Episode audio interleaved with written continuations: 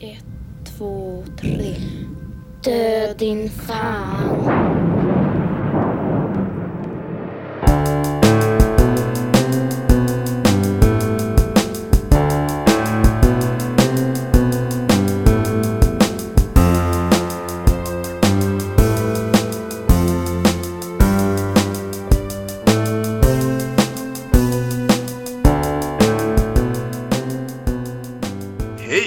Välkomna till Demonpodden. Podden där vi tittar oss hela vägen igenom de allra flesta av Ingmar Bergmans filmer under året 2019 och en liten bit in på 2020. Jag heter Kalle Färm och med mig som alltid har jag Björn Waller Hallå? och Aron Eriksson. Hallå? Och tillbaka från förra veckan för att avsluta Fanny och Alexanders äventyr har vi även Fredrik Adolfsson Hej svejs! och David Silén. Hallå, hallå. Och eh, till skillnad från förra veckan så är vi ju inte längre i samma rum tyvärr. Utan eh, nu är vi utspridda över hela landet igen och tar det här på distans så att säga.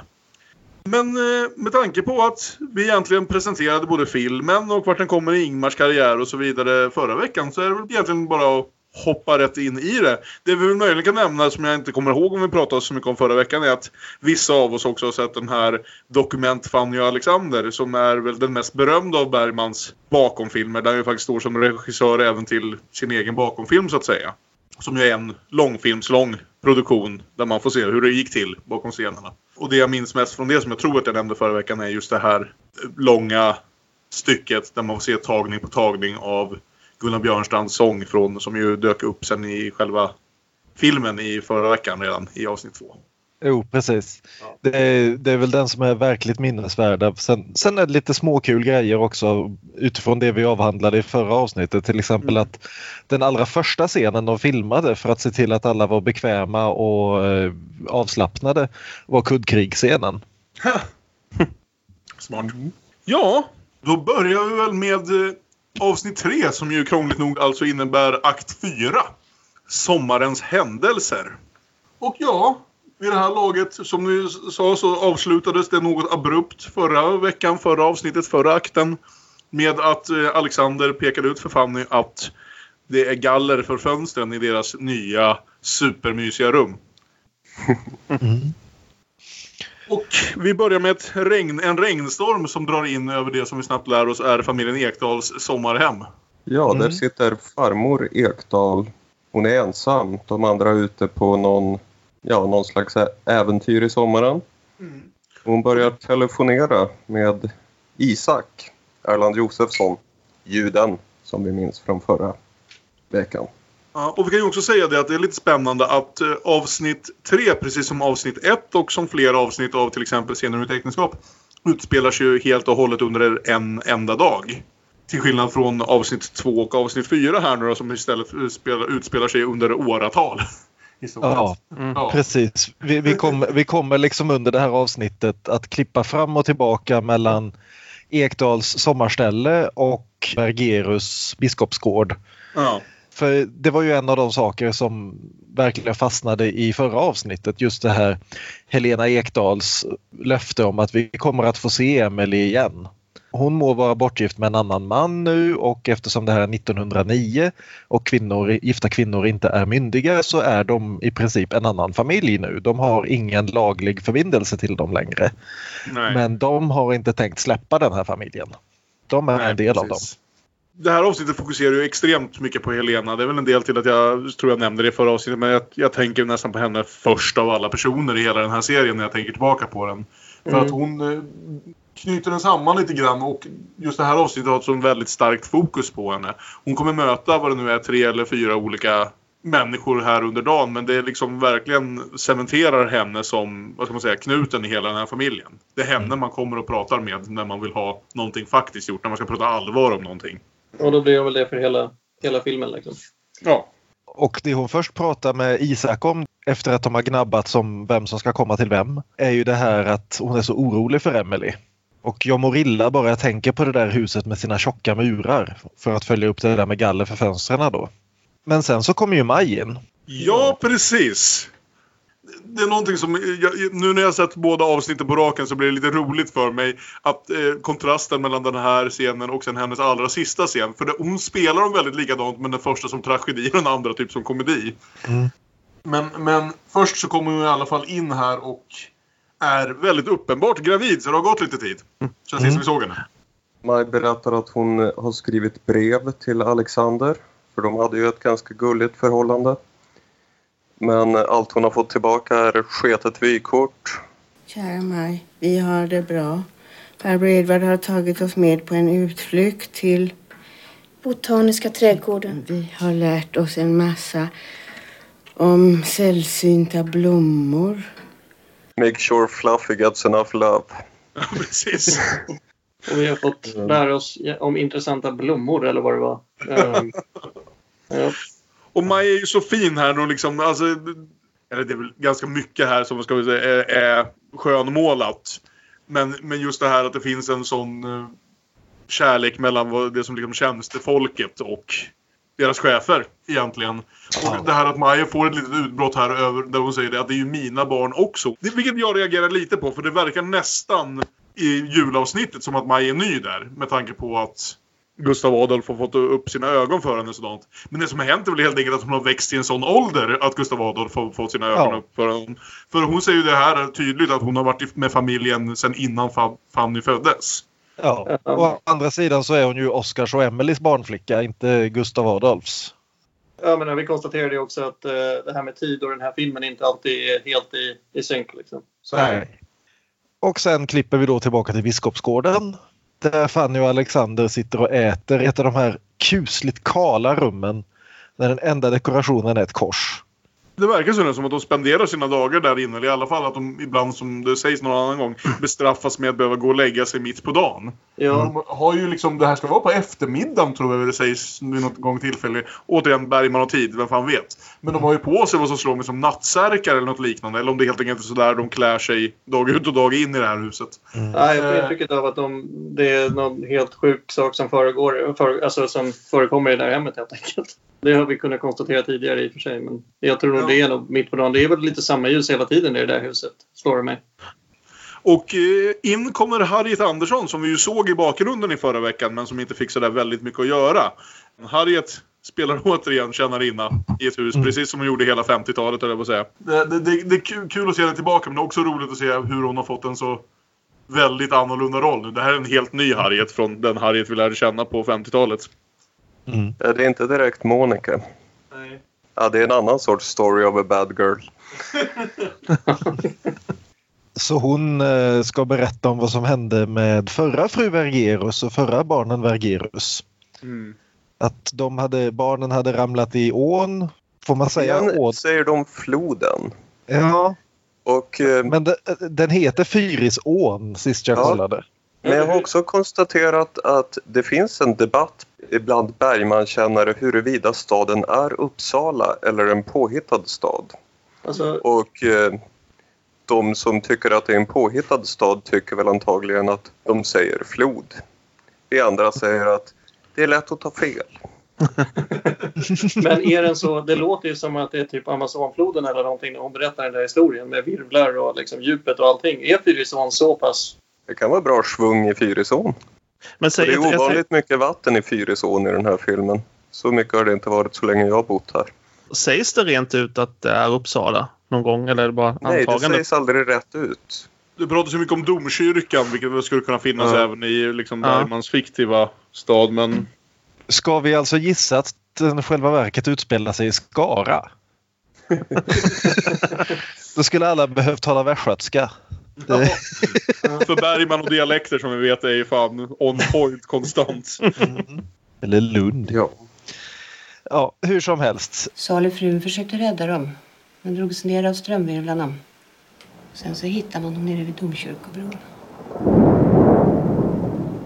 Och där hade de klamrat sig fast vid varandra så de var som en enda stor kropp.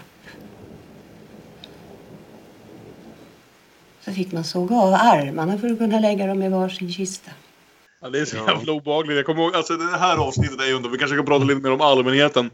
Mm. Jag tänker tillbaka till att man ändå var ganska liten första gången jag såg den här filmen och det är de här scenerna. Alltså, jag tror att jag ganska länge till och med hade svårt att komma ihåg att det här var i samma film som alla de här varma julscenerna i början. Alltså.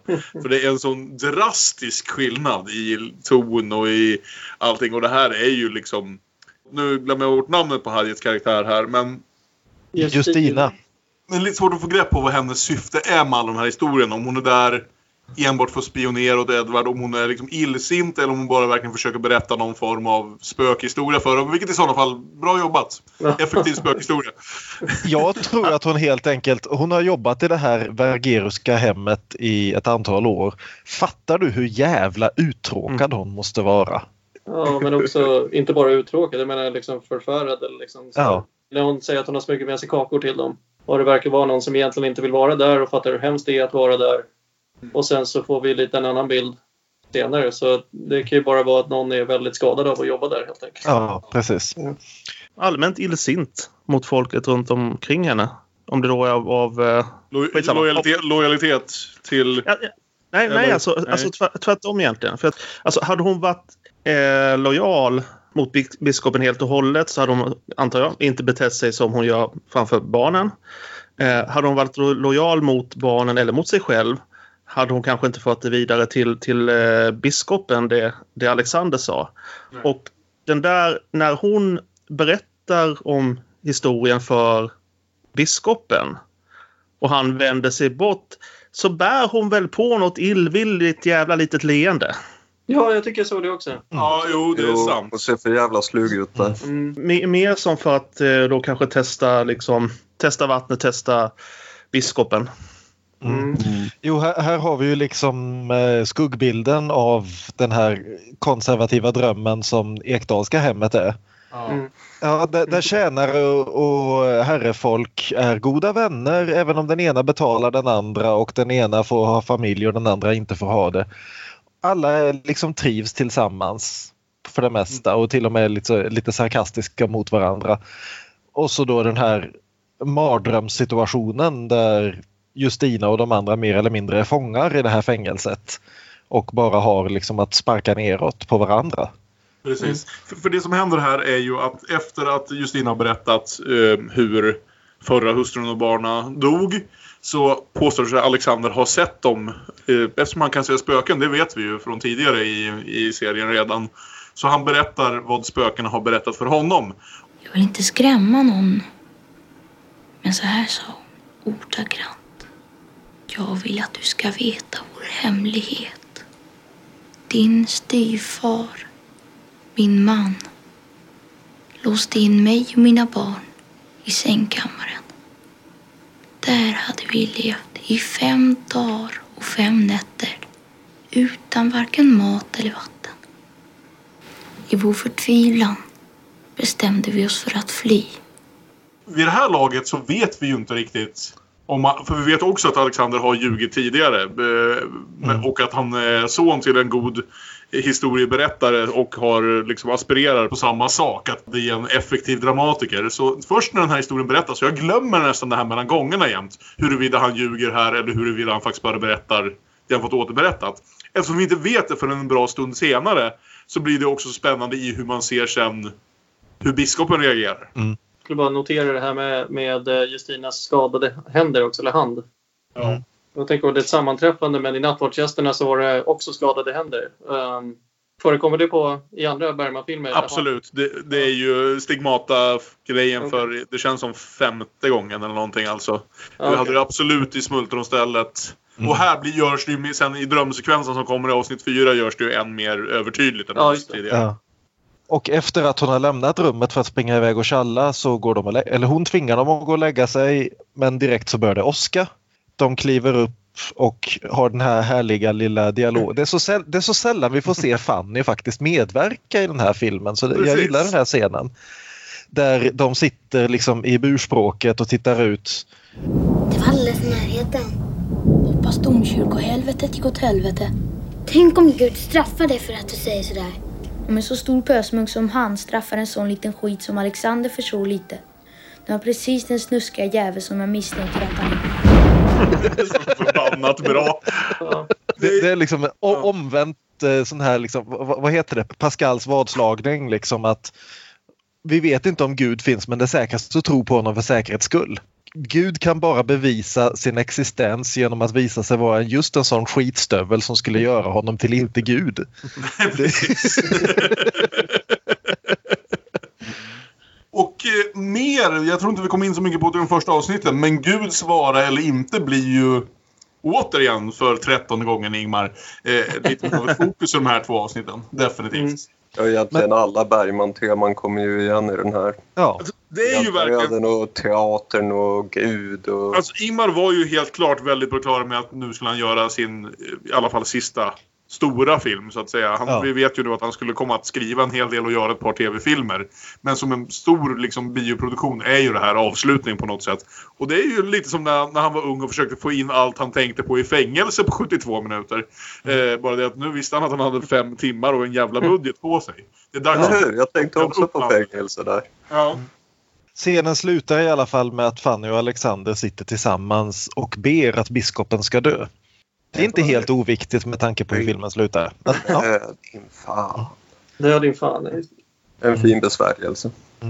det, det finns en härlig sekvens i Dokument Fanny och Alexander där Bergman eh, regisserar de här två barnskådespelarna genom den här scenen. Och det, Bergman på gamla dagar var en ganska mysig regissör. Mm. Han, han är liksom hela tiden väldigt uppmuntrande, uppmuntrande och blir, blir aldrig liksom, han rättar dem aldrig när de säger fel replik eller börjar fnittra utan han liksom uppmuntrar dem att gå vidare genom det. Mm. det ja, det är fint. Men tillbaka till eh, skärgården. För där sitter Helena och slumrar i, ensam i herrgården och vem är det som dyker upp då? Pappa Allan höll jag på att säga. Det heter han inte i filmen. Men, eh, Ja, Oscar. Spök-Oskar är ute och går. ja Japp. precis. I alldeles för långa linnebyxor. Jag vet, jag hakar upp på detaljer. Det var Polly förra gången. Men ja, det, jag, Det var hans straff. De här linnbyxorna ska alltid vara för långa. Det är men det, ja, fint. men det, det, är ju, det är ju en sån här klassisk spökskrud som han har gjort om till en kostym helt enkelt. Mm. ja, men så är det såklart. Ja. Mm. Mm. Som teaterchef får man även vara kostymör lite grann. Ja, Helena och Oskar har i alla fall en ganska fin liten scen här tillsammans där de pratar både om att åldras och att spela roller. Återigen, vi tar upp alla gamla Bergman-teman här. Och Shakespeare skulle jag vilja säga. Ja. Uh, för det där var, det är ungefär vad Iago säger någonstans i Otello. Det är fint att se, eh, få se Allan Edwall återkomma lite, trots karaktärens frånfälle. Nej, och han, han är ju väldigt tyst här och sådär. Han har inga... Vi kan märker ju sen vid olika tillfällen hur mycket de här spökena kan prata och så. Men han väljer att vara väldigt tyst här. Nästan lite så här pojkaktig med sin mamma. Han liksom Mm. sitter där. Ja, mamma. Jag tycker det är väldigt fint det här som, som mamman säger om, om sorg. Ja. Hur känslorna Ja. kom från kroppen och slog Mm. sönder verkligheten. Underligt nog så kändes den trasiga verkligheten riktigare så hon har inte brytt sig om att laga den. Just det. Vilket jag tyckte var väldigt fint. Det var väldigt fint. Det är ju så många som är så bra i den här. Men Gun Wollgren är ju någonting alldeles extraordinärt verkligen i den här jävla Ja. filmen. Jag tror inte vi nämnde det förra veckan för det här var ju hennes sista roll också. Hon var ju döende i Okej. cancer när hon spelade in den här. Okej. Så. Ja. En sak med det här avsnittet överlag, eller den här fjärde akten. Var det bara jag? Det var, det var lite, alltså även om den här monologen var, alltså, det var storartat och det är bra gjort och alltihopa, men att vi kanske kommer in på det mer, men att den var lite spretigare än någon av de andra. Eller att den liksom lite mer inte riktigt hittar en ton utan det är lite olika saker under. Nej, de, de tvära kasten mellan de två Ja. världarna gör ju att man liksom... Det är nästan medvetet tänker någonstans. Ja. Att man ska få se båda bitarna av hur familjen och då framförallt via Helena oroar sig Mm. För barnen. Samtidigt som vi faktiskt ser vad barnen genomgår på, i sin nya dagliga rutin. Ja. Och vi får ju ett väldigt tydligt exempel på det i slutet på den här scenen där vi plötsligt gör väldigt hastigt klipp tillbaka till Biskopsgården där eh, biskopens syster kommer in och ryter åt och Alexander att det är styvfar vill tala med er omedelbart. Och sen Just. klipper vi lika snabbt tillbaka till skärgården där då Emily dyker upp ute hos sin före detta svärmor. Och här börjar ju klippen bli lite hårdare, alltså lite Mm. snabbare. Det är inte hela scener hela tiden. Men en liten fråga bara tillbaka. Det här bevisar uppenbarligen att även Helena har en kontakt med, vad vi nu ska kalla det, den andra världen. Förutsatt att hon inte är den som, att hon till skillnad från Alexander inte bara sitter och föreställer sig det här på något vis så är, hon, är väl hon den enda andra personen som vi ser som har så här tydlig kontakt med liksom spöken förutom Alexander och på slutet Ismael. Det finns ju en poäng i att Ekdal är en teatersläkt. A- Alla av dem är inte bra på det. Gusten är ju usel på det. Det får vi till och med sagt av flera karaktärer här rakt ut. Och ä- ä- även Oscar var ju, som skådespelare var han ju katastrofalt dålig. Men de lever sitt liv i en teater. De, de är vana vid det här liksom att återskapa nya verkligheter hela tiden, att spela roller. Och det är ju liksom att se bortom den här världen, åtminstone hos Bergman. Vi vet ju att både Helena och Emily är ju, de var ju skådespelerskor först innan de blev ekdalingar. Så de har ju den här blicken med sig. Och, och eh, eh, Helena säger ju det till sin son här också att hon har spelat så många roller. Hon spelade mamma, Julia, Margareta och plötsligt så måste hon bara spela änka eller farmor. Denna eh, fria rörelse mellan världar. Många sanningar ställs mot biskopens absoluta sanning. Exakt. En, ett drama som Bergman gillar att gestalta. Och just apropå det så får vi nu den här rättegångsscenen där Alexander ska förklara varför han har ljugit. Så jag bara gissar i tioårsåldern måste vara typ det mest traumatiserande jag sett vid det laget. Och inser jag också, ja, b- jag, det här jag insett att jag måste ha sett eh, bioklippningen. För jag tror inte sen att jag någonsin fick den här spökscenen där jag faktiskt fick reda på huruvida han talat sanning eller inte. Mm. Men rättegången här alltså. Biskopsjävel. Lyser Och vi märker att biskopen också har en, eh, en viss teatralisk ådra hur han har ställt upp den här rättegången med sin mamma och sin syster vid sidan av. Och rekvisita också. Ja, Absolut, att vara biskop är väl också i sitt sätt såklart att vara en skådespelare. Han kan ju det här, han kan hålla en monolog. Det gör han ju varje vecka Ja. liksom. Vi kommer ju se längre fram att han är inte främmande för att ljuga precis lika mycket som Alexander gör. Men det är skillnad för han har det till yrke. Och vi, har, apropå det här med liksom att se olika verkligheter så har vi i början av den här scenen den här fina repliken att Du påstår alltså att Justina har vittnat falskt? Hon kan ha drömt. Drömmar existerar inte här utan Alexander får välja ett straff för att straffet ska lära honom att älska sanningen. Så han kan antingen få spö med en mattpiskare, han kan få dricka resinolja tills han spyr eller låsas in i skrubben i några timmar. Vilket ju är en återvändande. Just skrubben har vi hört talas om ett antal gånger Mm. tidigare. Och som sagt är väl även från, från Ingmars Mm. egen barndom. Mm. jag gillar deras meningsutbyte i den här rättegången också. Att ja, biskopen tar upp det här samtalet de hade om lögner. Du minns att du och jag hade ett angeläget samtal för ungefär ett år sedan. Det gällde vissa moralfrågor. Något samtal var det väl ändå inte? Hur menar du? Biskopen talade och Alexander teg. Teg och skämdes kanske för sina lögner. Jag har blivit klokare sedan dess. Du menar att du ljuger bättre? Ungefär så, ja. Alltså överhuvudtaget här så är allt det här så jävla fantastiskt. Det finns stunder i den här filmen när, och så här blir det ju lätt med barnskådespelare, men jag är inte helt med på vad, vad Bertil Guve gör. Men, men här är han. Mm. Och sen det här att under själva piskningen, för han väljer ju den här mattpiskaren, så visar Bergman sällan hans ansikte eller mattpiskaren eller någonting utan han klipper hela tiden till de andras ansikte, de som ser på. Och nu är Justina kanske lite ångerfull. Ja precis, det, här- det här är ju i princip eh, öppningsscenen från Trollflöjten igen. Därför att här får vi se hur de reagerar. Återigen, Trollflöjten, liksom, vi bjuds in att skapa den här teatern tillsammans. Här är ju liksom mer eller mindre en rättegång tillbaka mot de andra. Liksom. Har ni någon empati i kroppen? Är ni med i den här historien eller står ni ut, tror ni er står utanför? Ja. Och apropå de olika världsbilderna, Ekdal och biskopen emellan, så är det ju då olika kärleksbegrepp de rör sig med också. Mm. Vi har sett den här värmen hos Ekdals. Alexander säger det, jag tror biskopen hatar Alexander. Men biskopen säger nej, nej, nej. Jag älskar dig. Mm. Men kärleken kan vara kärv. Vilket jag också tycker är bra råd till föräldrar.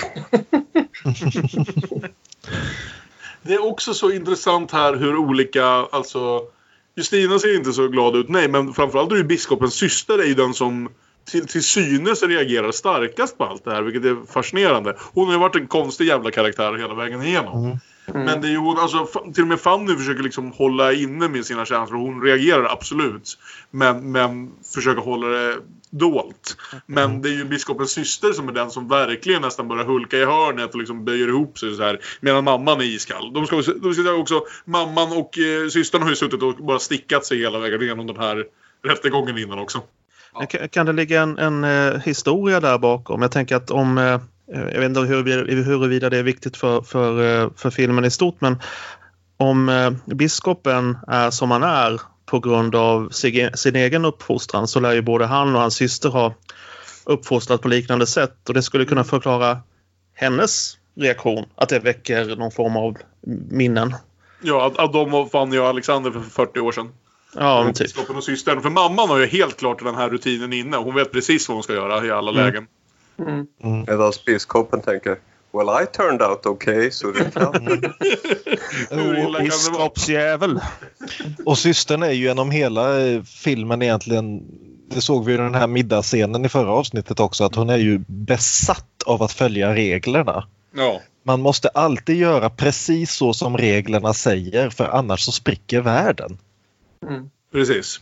Detta då jä- jämföra med Oskar Ekdahl som lovar att han ska natta barnen och sen berätta sagor för dem i två timmar. Ja.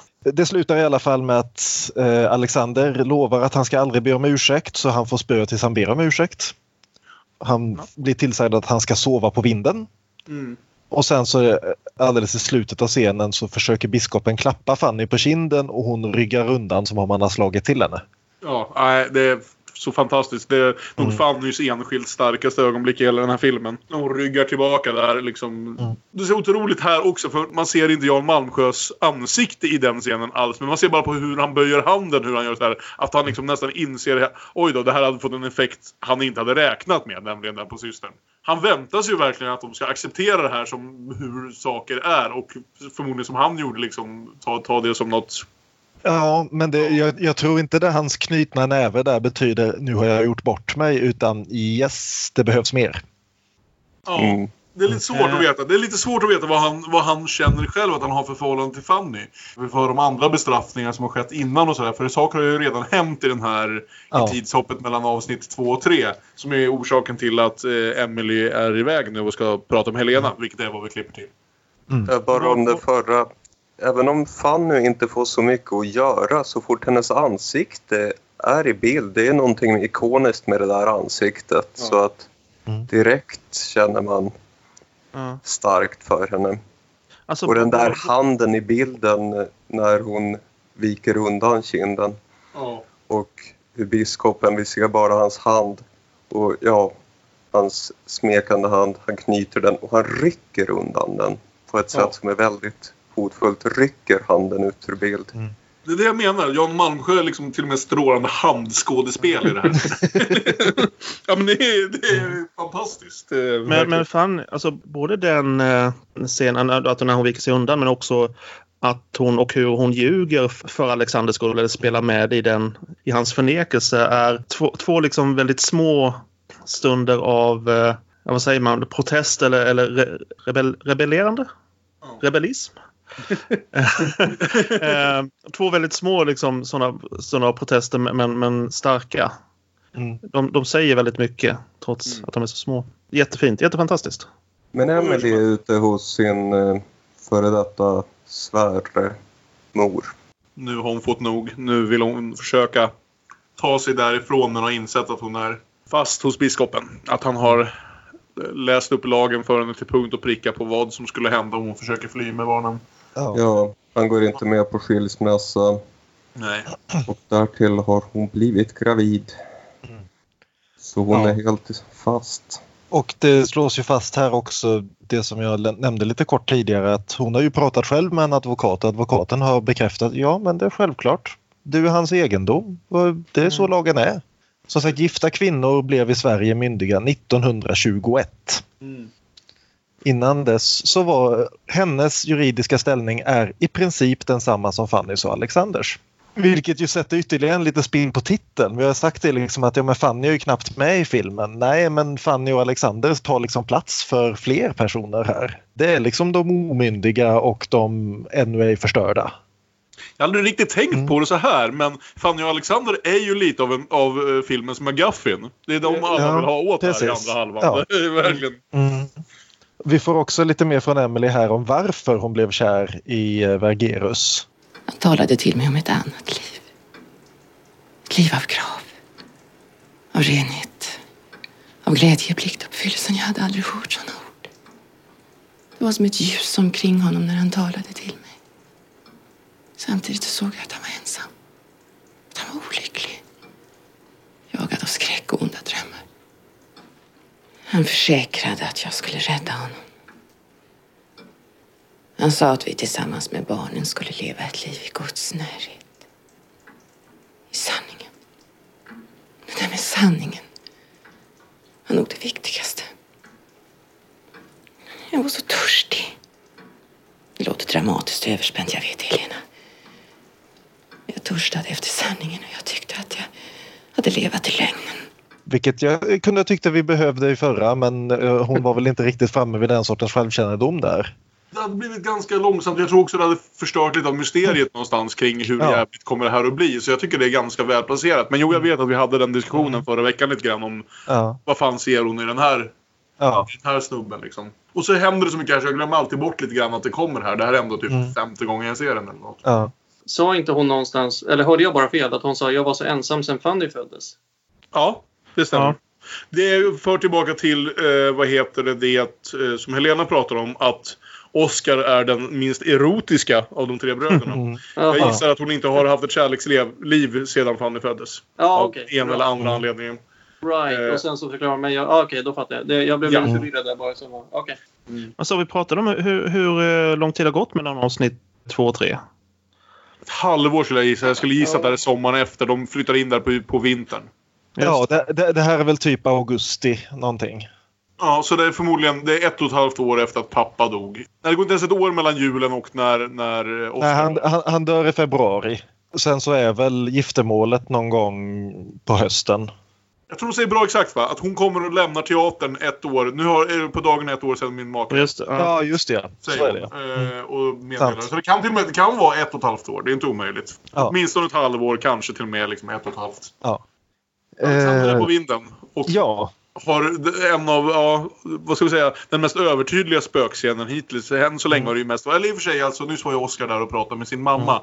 Men här får spök, spökena bli lite mer proaktiva här. Det här blir skräck hittills. också.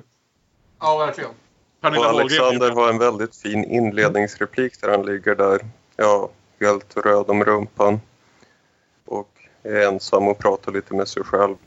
Far, om du ska komma och hälsa på mig. Var snäll och tänk på att jag är spökrädd. Och att du faktiskt är död. Kom inte bakifrån när du är hygglig. Jag skulle kunna bli tokig av skräck. Och det vill du väl inte?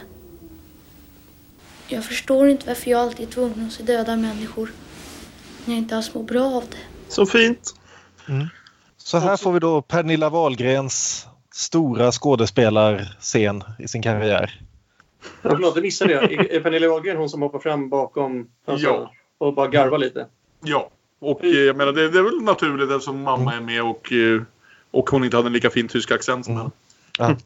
Men här får vi ytterligare en förklaring till hur förra familjen Vergerus dog. Enligt spökena så dog de för att de åkte skridskor på ån och isen sprack. Det är det här som gör det så intressant. Och man förlorar det dessutom i bioklippningen för den här scenen finns inte där. Mm. Så man får aldrig reda på huruvida Alexander har ljugit eller inte. Och man får inte heller reda på om den här scenen faktiskt äger rum någonstans annars, annat än i Alexanders huvud. För det första var det, var, alltså jag tyckte det här var asläskigt den här scenen när de gjorde entré där. Liksom. Ja. Och, eh, det var det med, med Pernilla Wahlgren där liksom, när hon hoppar fram och bara och sen så klipper de bort. Alltså jag var riktigt illa berörd av det där alltihopa. Jag tycker det är skitläskigt. Ja, jo, det är absolut. Det är jävligt effektivt. Ja. Och det, Ja. det är så fint med hela den här inledningen också där han säger det pappa. Om, för han tror först att det är hans pappas spöke av någon anledning. Mm. som ska visa sig igen.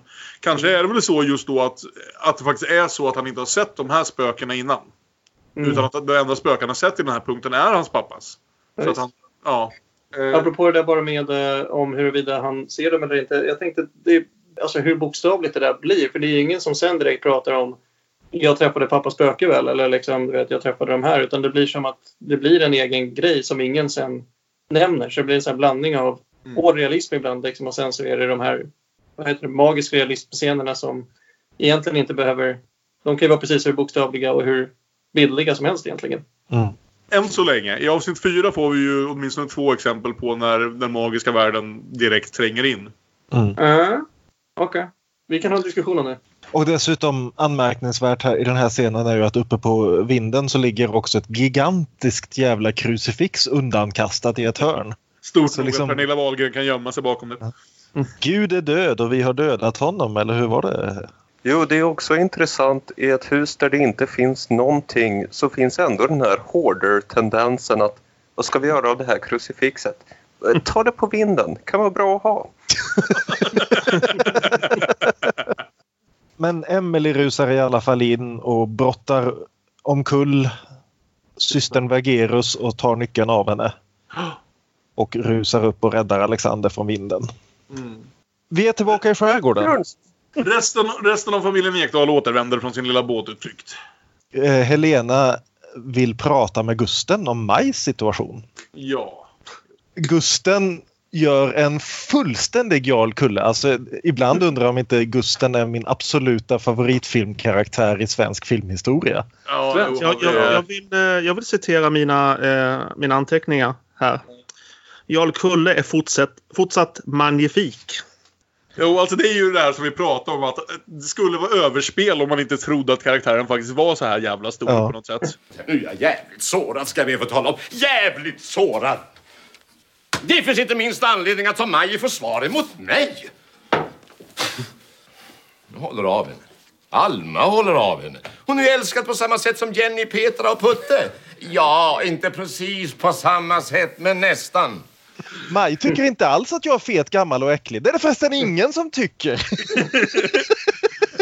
Apropå det jag sa tidigare bara om den spretigheten och sådär så tror jag det var mest hela den här delen av filmen, det här när de kommer med båten och eh, Börje Ahlstedt och Kristina Scholin. Jag säger alltid Skolin. Ja, det har jag också gjort. Och så är Scholin nu helt plötsligt. Jag vet inte varför. Ehm, de har ju sin... När de pratar fram och tillbaka och snubblar runt och ger en sån här farsartad historia liksom. Mm. Som egentligen, inte följs upp sen och alltså, jag vet inte riktigt vad den är där för. Nej, ja. jag tänkte på det överhuvudtaget när det gäller eh, eh, Carl och Lydia att eh, när jag såg eh, långfilmsklippningen också. Och Bergman har ju trimmat den här fem och en halv timme lo- filmen till tre timmar. Vilket innebär Mm. att han har behövt klippa bort väldigt, väldigt mycket. Ja. Men han har fortfarande kvar den väldigt, väldigt långa scenen med Carl och Lydia i första avsnittet. Uppenbarligen känner han att de spelar någon väldigt viktig roll i filmen som jag Ja. inte riktigt hittar. Nej, För den här scenen känns verkligen helt klippbar. Så jag, I vad som är en av mina absoluta favoritfilmer skulle jag ändå kunna säga att det här är den scenen som jag inte skulle sakna. Visst. För, för de allra flesta sakerna Orsaken till att jag ser tv-versionen och aldrig längre filmversionen är ju att jag saknar så otroligt mycket bra material. Jag bara tänker åh nej nu får jag inte se det här. Jag får inte ens reda på om Alexander ljög eller inte. Men det här är ju den scenen som verkligen känns försumbar. För den känns som en mindre effektfull upprepning av det vi redan såg i, i Mm. avsnitt ett där. Har inte Alexander personlig, har drag av alla de här tre bröderna? Eh, på lite olika sätt. Jo. Och eh, att det skulle kunna vara därför Bergman ser det som viktigt att ha med dem av någon anledning. Absolut. Det är bara, det är bara någonting som jag kommer att tänka på nu så jag har inte fördjupat mig i den teorin. Nej, men alltså, ehm, jag tycker det är helt rimligt att liksom de visar alla tre, eller visar de här tre bröderna liksom och så där visar att, tycker nog inte att syftet att ha med dem är knasigt. Liksom. Just den här scenen tycker jag inte spelar in någonstans och plus att den i sig blir lite, alltså det här vi pratade om förut med den tyska accenten blev väldigt påtaglig här av någon Mm. anledning Ja. jag. Gillar vissa av detaljerna här. Jag gillar när han ramlar och börjar gnälla över sitt ben sådant. Och får, Ja, jo. Men eftersom inte Carl eller Lydia spelar någon vidare roll i vare sig avsnitt två eller tre annars. Då spelar absolut en viktig roll i avsnitt ett. Och i alla fall i tv-klippningen så har Karl en hyfsat viktig roll i avsnitt fyra. Så Mm. det är väl lite för att påminna oss. Glöm inte bort de här nu. Nej, Liksom, precis. De, de finns också här. Ja, men jag tycker att de kunde... fortfarande penningproblem. Coachar Ja. Lydia att vara ledsen inför mamma så att Mm. hon Ja. får låna pengar. Men de visst, lägger upp en grej om att han ska säga till henne. Säg till henne att jag tänker ta livet av mig. Säg till henne att göra det här. Det är ju som att de lägger upp att det kommer någon scen. Mm. Men ja, inte gör men, det. men, men visst, Ja. det är liksom en fem och en halv timmar lång tv-serie som är till den närmaste fantastisk hela tiden så är det nog en av den allra svagaste Mm. scenen. Och den är inte en dålig scen, den är bara en överflödig scen. Ja. Men det slutar i alla fall det här med en ytterligare en lite snygg eh, callback till tidigare filmer. När då småkusinerna eh, Jenny och Putte som inte har så mycket att göra i någon del här. Det här är väl nästan deras finaste scen tror jag. Men så kommer de in till farmor och hon frågar vadå, ska inte ni, skulle inte ni gå hem till mamma och pappa nu? Och de lägger ner ett strå med vad då? Jo, smultron. Mm. Givetvis. En liten callback till smultronstället. Mm. Och såklart en påminnelse till, eh, till vad heter det, Helena om att bara två av hennes fyra små barnbarn är där, tänker jag. Mm. Efter det Ja. får höra under dagen. Att de skulle vara några fler egentligen, så att säga. Ja. Visst, fem barnbarn, men ett är vuxet, så jag räknar inte Petra just i det här fallet. Ja, och hon nämner ju också det apropå diskussionen om Maj, att Maj bär ju på hennes barnbarn. Ja, precis. Men tillbaka till Uppsala och biskopen. Jippi! Biskopsdjävulen. Vi får först en scen där biskopen är lite passiv-aggressiv angående Alexander skulle ju sovit på vinden men vi har tydligen ändrat det beslutet ja. och så får vi den här repliken som är så fantastisk så till och med biskopen börjar skratta åt den. Godnatt Fanny. Godnatt för Bredvärd. Godnatt Alexander. Sover han? Nej, jag sover inte. Då kan du också svara mig när jag önskar dig godnatt. Det kan jag inte. Kan inte? Vad är det för nonsens, Alexander? Alexander önskar inte biskopen en god natt. Nej, men han skulle ju inte ljuga heller. Nej, precis. Så att, Och samtidigt så begär ju biskopen mer eller mindre att han ska ljuga här. Så, ja. Mm. Ja, precis. Men sen om vi trodde att biskopen hade blivit lite mjukare av det här. Både att han låter Emily ta ner Alexander och att han skrattar åt Alexanders replik. Så nej, absolut inte. För avsnittets och aktens sista scen är ju det här samtalet mellan biskopen och Emily. Där han verkligen slår fast att vad hon än trodde efter sitt samtal med Helena och så vidare så finns det ingen väg ut. Och eftersom hon tydligen har missförstått sin plats i den här familjen så ska han nu helt enkelt av omtanke om hennes gravida och sårbara tillstånd låsa in henne på hennes rum. du måste förstå att jag gör det av kärlek. Ja. Och, och dessutom talar om för henne att minsta försök att revoltera kommer att återverka på dina barns välbefinnande. Det vill säga käfta emot så spöar jag Alexander igen. Han uttrycker som att han förbjuder henne att sätta sig i, i förbindelse med den yttre världen. Vilket också kändes alltså, verkligen going full fångvaktare. Ja. Och också spelar in i det här återkommande temat om den lilla världen och den stora världen. Har ni förresten eh, försökt föreställa er Max von Sydow som den här biskopen?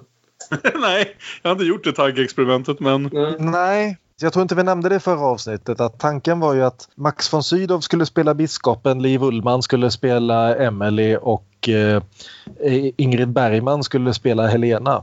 Nu var ju Ingrid Bergman inte längre tillgänglig och eh, eh, Liv Ullmann tackade nej. Hon verkar inte ens själv veta exakt varför idag. Nej, Både hon och Bergman ångrade det storligen. Och Max von Sydow, hans agent la sig tydligen i och krävde mycket mera pengar än SVT hade att pynta upp. Du, du får tänka att det här är året efter Blixt Gordon. Max Ja. är ju liksom riktig Hollywood royalty vid det här laget. Han måste ju ha krävt... Jo men alltså det är väl nästan att det fanns någon slags krav för att behålla agenter och sånt på att han kan inte åka till Sverige och göra en sån här roll i dessutom en fem timmar lång film. Utan för, för Bergman, även om det här var typ...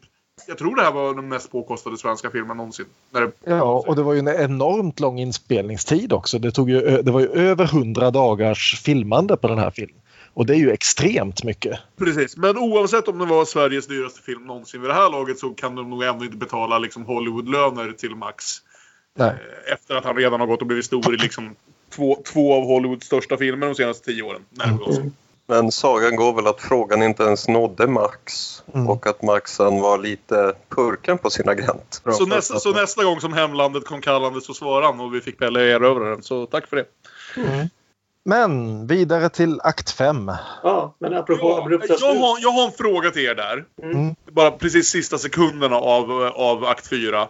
Emily skriker rätt ut i sista ögonblicket när vad heter det, biskopen lägger hand, händerna på hennes axel. Gör han något rent fysiskt? Klämmer han om henne fysiskt? Eller är det bara rädslan för honom? Jag har försökt se liksom hur han agerar det där. Jag har bara sett den en gång nu. Liksom. Jag, jag, trodde att det var rakt av bara en minsta lilla beröring så var det bara du vet, panik. Mm. Ja, Mm. panik. Jo, det var så jag tolkade det också. Ja. Men apropå abrupta slut, Kalle, det här var väl också lite så... Precis samma känsla som i slutet av akt 2. Att han vet inte riktigt hur han ska...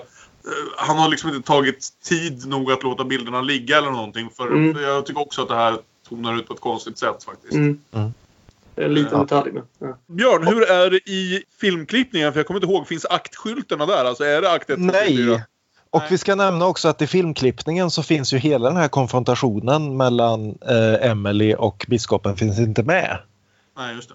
Vilket ställer till lite problem i filmklippningen för då A etablerar vi inte att hon är gravid och B inte att hon är inlåst. Fast att hon är Eh, gravid finns ja, det- med när hon träffar Helena? Ja, det, jag, jag tror det antyds lite grann i hennes diskussion med Helena som ju också är nedklippt. Det är inte lika tydligt. Och hela den här grejen om att han eh, låser in henne får man helt enkelt liksom sluta sig till av sammanhanget. Ja. Det sägs aldrig öppet. Nej, men, men alltså har han klippt ner scener också? För när jag tänker tillbaka på ansikte mot ansikte Mm. så kommer vi fram till att där höll han ju aldrig på med sånt som att klippa ner scener och liksom ta bort bitar utan antingen rök en scen eller så var den med så att säga. Det finns ganska många scener som är nedklippta. Ja, Till exempel Oscars död är väldigt starkt nedklippt. ja just det. Där, där är det i princip liksom hans sista replik eh, innan slaget kommer som finns med i filmen. Sådana saker. Annars så tycker jag ju liksom att långfilmen om man måste klippa den här historien så tycker jag att han generellt gör rätt val. Han klipper bort en hel dimension av filmen hellre än att klippa ner enskilda scener. Mm. Han klipper bort hela den här teatraliska, övernaturliga, mystiska delen av filmen. Ja, det blir mer rakt drama om... Ja, precis. fel. Ja, exakt. Ja. Och den klipper han bort ganska samvetsgrant fram till slutet. Så vi har ju fortfarande med eh, Oscars spöke, vi har fortfarande med eh, den nakna statyn som rör sig i alldeles introduktionen. Ja. Men utöver det så har vi klippt eh, bort nästan hela storyn med teatern. Vi har klippt bort eh, alla de här drömscenerna. Vi har klippt bort Oscars monolog om stolen. Vi klipper bort det som vi kommer till strax här nu. Isaks långa fantastiska monolog. Just för att helt enkelt ta bort hela den här dimensionen av filmen och göra det till en tajtare men något plattare film. Hellre än att försöka stressa in allt det här på bara tre timmar. Och det är rimligt i och för sig. Men Ja, det, är ju rim, det är rimligt om det måste göras, men det är klart man tappar ju det som Ja. det ska ju absolut inte göras. det blir en mindre fantastisk film Ja. i ordet fantastisk bägge meningar. Men det blir en mycket stabilare film än det hade varit ifall han hade försökt få in alltihopa och bara liksom typ börjat MTV-klippa i den. Mm. Ja, men precis. Det är ju det är samma sak som man gjorde i Ansikte mot ansikte där alla sidokaraktärer i stort sett fick flyga. De som liksom breddade världen, Gösta Ekmans karaktärer och så vidare. Fast samtidigt som sagt så är det anmärkningsvärt en del av scenerna han behåller. Så att han behåller hela Karls och eh, Lydias eh, gräl. Eller nästan hela i alla fall. Det är någon enstaka replik som är bortklippt. Han behåller Käbi Laretei. Det är ju snällt av honom. Ja, ja. Att han har gjort det för en gångs skull. Akt 5. Demonerna. Felstavat. Vi vet ju alla att demonerna stavas med Ä. Mm. Och här så har Bergman helt plötsligt gått till någon slags jävla traditionell stavning. Hur som helst, nu kommer hjälten inridandes. Bokstavligt talat nästan inridandes. Jag glömmer alltid bort att det här avsnittet börjar med liksom fritagningen. Att det är så Ja. mycket kvar efter det. Så jag blir alldeles chockad när den här är första scenen. Så Ja. in kommer alltså klattrande ner för kullerstenarna så kommer en vagn. Isak Jacobi sitter i en stor tron.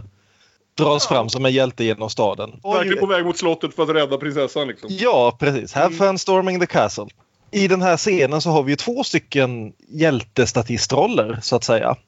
Vi har dels en väldigt, väldigt ung Peter Stormare som spelar flyttkar. Och dels så har vi den här katten som springer undan framför kärran och springer upp till Biskopsgårdens dörr och försöker kura ihop sig där. Jag trodde att det var en ren slump. Sen såg jag dokument Fanny och Alexander. I den finns en fem minuter lång scen som handlar om hur Bergman försöker få den här kattfan som han säger vid något tillfälle att springa fram till dörren vid precis rätt ögonblick.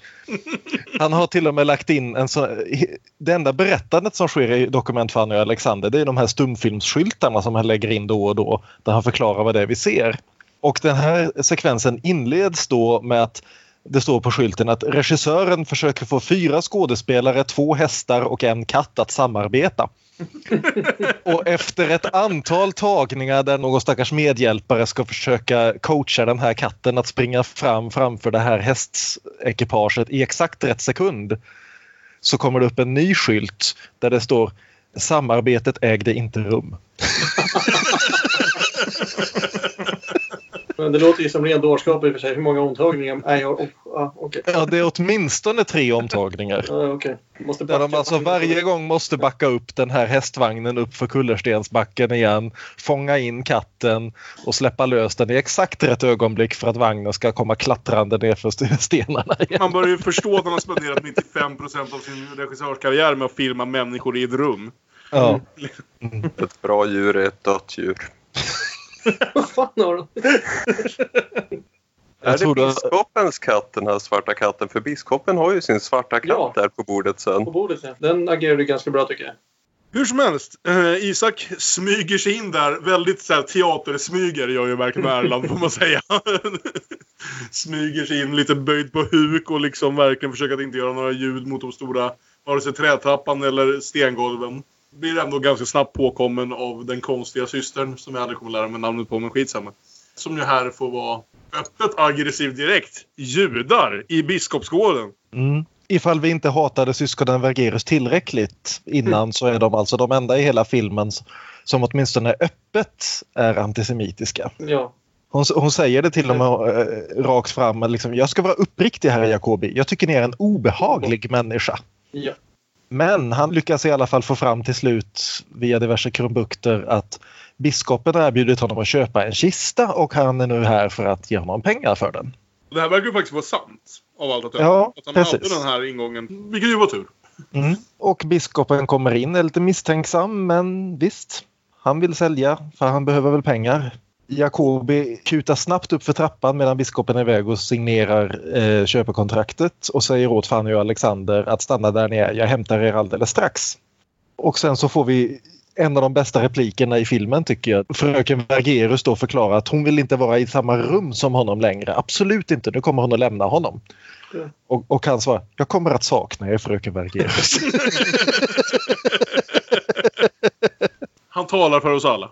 och sen så händer något väldigt märkligt. Nej men alltså det finns två tillfällen båda två i det här avsnittet när den magiska världen och den verkliga världen öppet kolliderar och påverkar historien. Ja. Ja.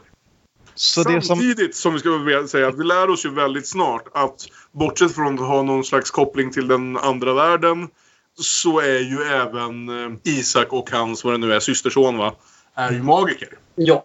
Alltså, och har lärt sig, som de säger själva, trick med speglar och rökmaskiner och annat. ja. Så vilket som är vad här är ju frågan. Det är förmodligen en kombination av båda, så som Ja, vi ser alltså- det i alla fall. Det är ju vi- inte hans kista. Han har inte haft någon möjlighet att preparera den här kistan. För det som händer är alltså följande. Biskop Vergerus och fröken Vergerus lämnar honom ensam i en minut. Mm. Fanny och Alexander kommer nerrusande för trappan, hoppar ner i kistan. Han lägger en liten, liten sjal, inte nog för att täcka ens Fannys huvud, Nej. över dem. Sen så behåller han kistan öppen och säger åt biskopen när han kommer in Titta gärna i kistan så ni ser att jag inte bestjäl er. Och det gör visserligen inte biskopen men Han skulle ju ändå sett två levande barn där nere. ja, precis. Ja. Så där kan man möjligen säga att det är helt enkelt att biskopen är för upptagen med att hata judar för att ens titta i kistan. Mm. Och han är så pass upptagen så han misstänker i alla fall vad det är som faktiskt pågår här. Och eh, ja, får totalt utlopp för sitt judahat och spöar upp stackars gamla Isak. Mm. Samtidigt som han skriker att du är här för att stjäla mina barn. Mm. Eh, Tillsammans med diverse ord vi inte ska upprepa här. Båda syskonen Vergerus rusar upp för trappen för att kolla att Fanny och Alexander är kvar. Och Isak vrålar till himlarna. Mm. Och eh, ljuset förändras. Någonting sker. Någonting uppenbart magiskt sker.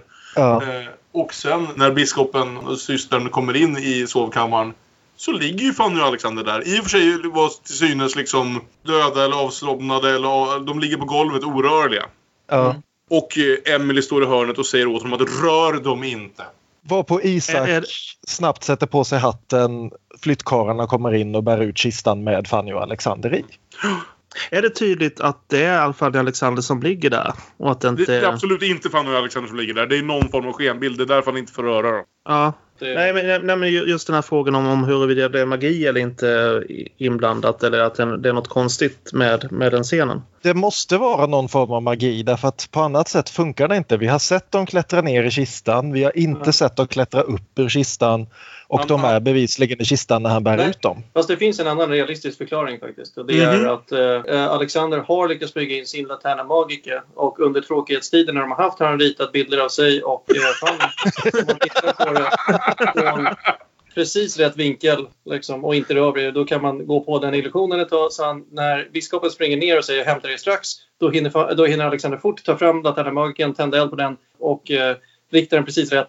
Men jag tror man bara ska se det som att det där är bara mystik som hela tiden, alltså den blir mer och mer påtaglig. Alltså utefter vad filmen lider liksom. Det här är väl bara ett exempel på det. Ja, nej, men här, här är, finns ju ingen annan förklaring. Och vi vet ju redan vid det här laget. Alltså visst, att hittills så hade väl det mesta kunnat förklaras med att, att Elena och eh, Alexander har livliga fantasier och därför samtalar med spöken och ser statyer som rör sig och annat. Va? De har Mm. påverkat verkligheten.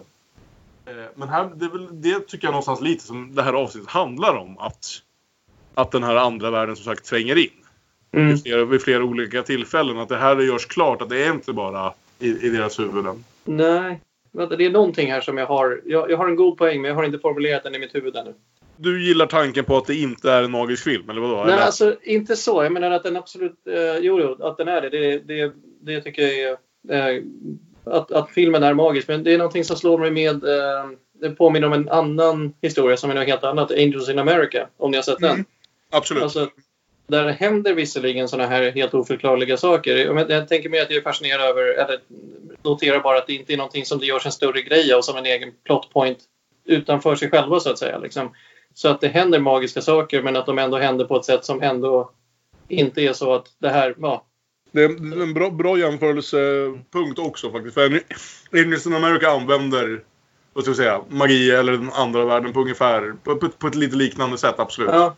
Och så att det liksom är, det är liksom både och och inte alls samtidigt på något sätt. Liksom. Det är väl ungefär det jag försökte formulera egentligen. Mm, mm. Eh, det blir fortfarande svårt att förklara två stycken livlösa barn på golvet. Eh, Men ja. Bara för att koppla tillbaka till, eftersom vi pratade om den här om veckan, Magnolia också. Använder sig också av ungefär en akt av Mm. absolut liksom gudomlig kraft för att påverka världen i- i Mm. slutändan. Vi kommer tillbaka och får äntligen en lite mer ingående blick i Isaks butik. Vi har sett den lite snabbt några gånger, men nu ska vi spendera gott om tid här. Isak tar på Så mycket prylar! och så här- gigantisk! Alltså om vi märker sen när Alexander liksom går omkring i den. Den är ju hur stor som helst. Han kan ju gå vilse bland sakerna. ja, det är så. En viss alltså, kontrast med den här Biskopsgården där det inte fanns något. Absolut. Men, men också en kontrast med Ekdalska hemmet där det mest bara finns minnessaker. Mm. Mm. Här är liksom allting är någonting. Det gör någonting. Mm. Det är liksom he hela stället är magiskt. Som ett Ja. levande väsen på Ja. något sätt. Liksom. Alltså, jag älskar när de har såna alltså hus, vad heter det? Fa- Huset Usher eller eh, vad heter det? Det där huset i lysande utsikten ni vet. Liksom, när, de har, Ja, just det. Ja, när de har såna hus som bara är liksom, där det i sig blir en sån otrolig liksom, karaktär i, i sammanhanget. I Isak tar på sig en morgonrock och ser direkt ut som Dumbledore i några scener. Just det. Mm. Och det är dags för Isak att berätta en kvällsaga. Som också är spännande. För han påstår till en början att det kan bli lite stappligt eller vad man säger för jag kommer behöva översätta det. Men eh, typ tre rader in är det klart att han kan den här utan till för han tittar inte ens på boken. Nej. Är det, är det någon som kan Toran väl nog för att säga om det här är en berättelse som faktiskt finns där eller om det är något Bergman har hittat på? Eh, Jag kan inte säga det, men det är helt lika. Alltså, apropå det här med magi så är det här en annan typ av magi. Jag satt bara helt Mm. förtrollad här under den här Ja. För mig spelar det ingen roll om det är viktigt eller, eller om det inte är viktigt. Det är bara så fruktansvärt bra. Ja. Många, många monologer i Bergman. Vi brukar ju tycka om att markera när det kommer en Mm. sån här riktig jävla showstopper. Alltså. Mm. Ja. Han berättar en lång parabel här om en man som går vilse i en skog och letar efter källor. Jag, jag kan inte sammanfatta det här för det, jag sitter helt förtrollad genom hela den här scenen. Varifrån kommer då allt detta vatten? Det kommer från ett berg vars gässa är täckt av ett mäktigt moln. Vad då för ett moln? frågar ynglingen. Den gamle svarar. Varje människa bär på förhoppningar, rädsla, längtan. Varje människa skriker ut sin förtvivlan eller bär den i sitt sinne. Somliga ber till en bestämd gud. Andra riktar sina rop mot tomheten. Denna förtvivlan, denna förhoppning, denna dröm om förlossning, alla dessa rop, alla dessa tårar samlar sig under tusen och tusen år och förtätas till ett omätligt moln kring ett högt berg. Ur molnet strömmar regnet ner över berget. Så bildas vattendragen och floderna som genomflyter de stora skogarna. Så bildas källorna där du kan dricka dig otörstig. Där du tvager ditt sönderbrända ansikte. Där du svalkar dina såriga fötter. Alla människor har någon gång hört talas om berget och molnet och källorna. Men de flesta stannar ängsligt kvar på den dammiga landsvägen i det flammande ljuset. Ja, om man vill tolka det som härifrån kommer konsten eller härifrån kommer Gud eller härifrån kommer kärleken. Det är, liksom, det, det är samma sak allt det där. Det, det smälter ihop. Precis. För Ingmar är det definitivt samma sak. Gud och kärleken har vi ju hört gång Mm. på gång. Gud konsten har vi också hört vid ett par Mm. tillfällen. Här har han liksom verkligen hittat en grand unifying theory för det här. Ja, precis. Och vi får de här fantastiska klippen till hur Alexander lever sig in i det här. Jag antar att det är det det ska vara. Det är Ja. Helt plötsligt, vi ser hur han ligger där som i sängen han faktiskt ligger i. Men helt plötsligt är det en eld framför honom. Bakom honom liksom paraderar en hel, ja, men en hel parad med små barn. Samtidigt som han, han vänder sig upp och då sitter Isak där istället. Och precis ovanför honom. Och han är med, Fanny, inte bara med Fanny utan även tror jag med Putte och Jenny. Och det liksom blir en berättelse för alla, för alla barn. Ja. Och det är ju också just någonting med barndomen, hur, hur berättelserna har den förmågan då. Att öppna sig sådär. Ja, hela världen öppnar sig på ett sätt som inte riktigt händer längre för oss Ja. medelålders. Scenen slutar med att hans mor kommer med en bägare och ger honom att dricka. Efter att vi sett en annan eh, fan favorite tillbaka, nämligen de som piskar sig själva. Ja. Tillbaka igen från det sjunde inseglet. Eh, Justina med eh, stigmatan i händerna. Ja. Eh, så här blev det ju helt plötsligt väldigt kristet av den här berättelsen ur Toran. Jo, han, men nästan, ja, men absolut, han samlar ihop allt det här i sitt huvud. För det här är väl Alexander, bilderna som Alexander får av den här berättelsen. Jo, men det är ju motstridiga bilder. Det är ju inte bilder Ja. som, som säger samma sak utan det är ju en motsatsförhållande mellan de här eh, flagellanterna och mellan hans mor.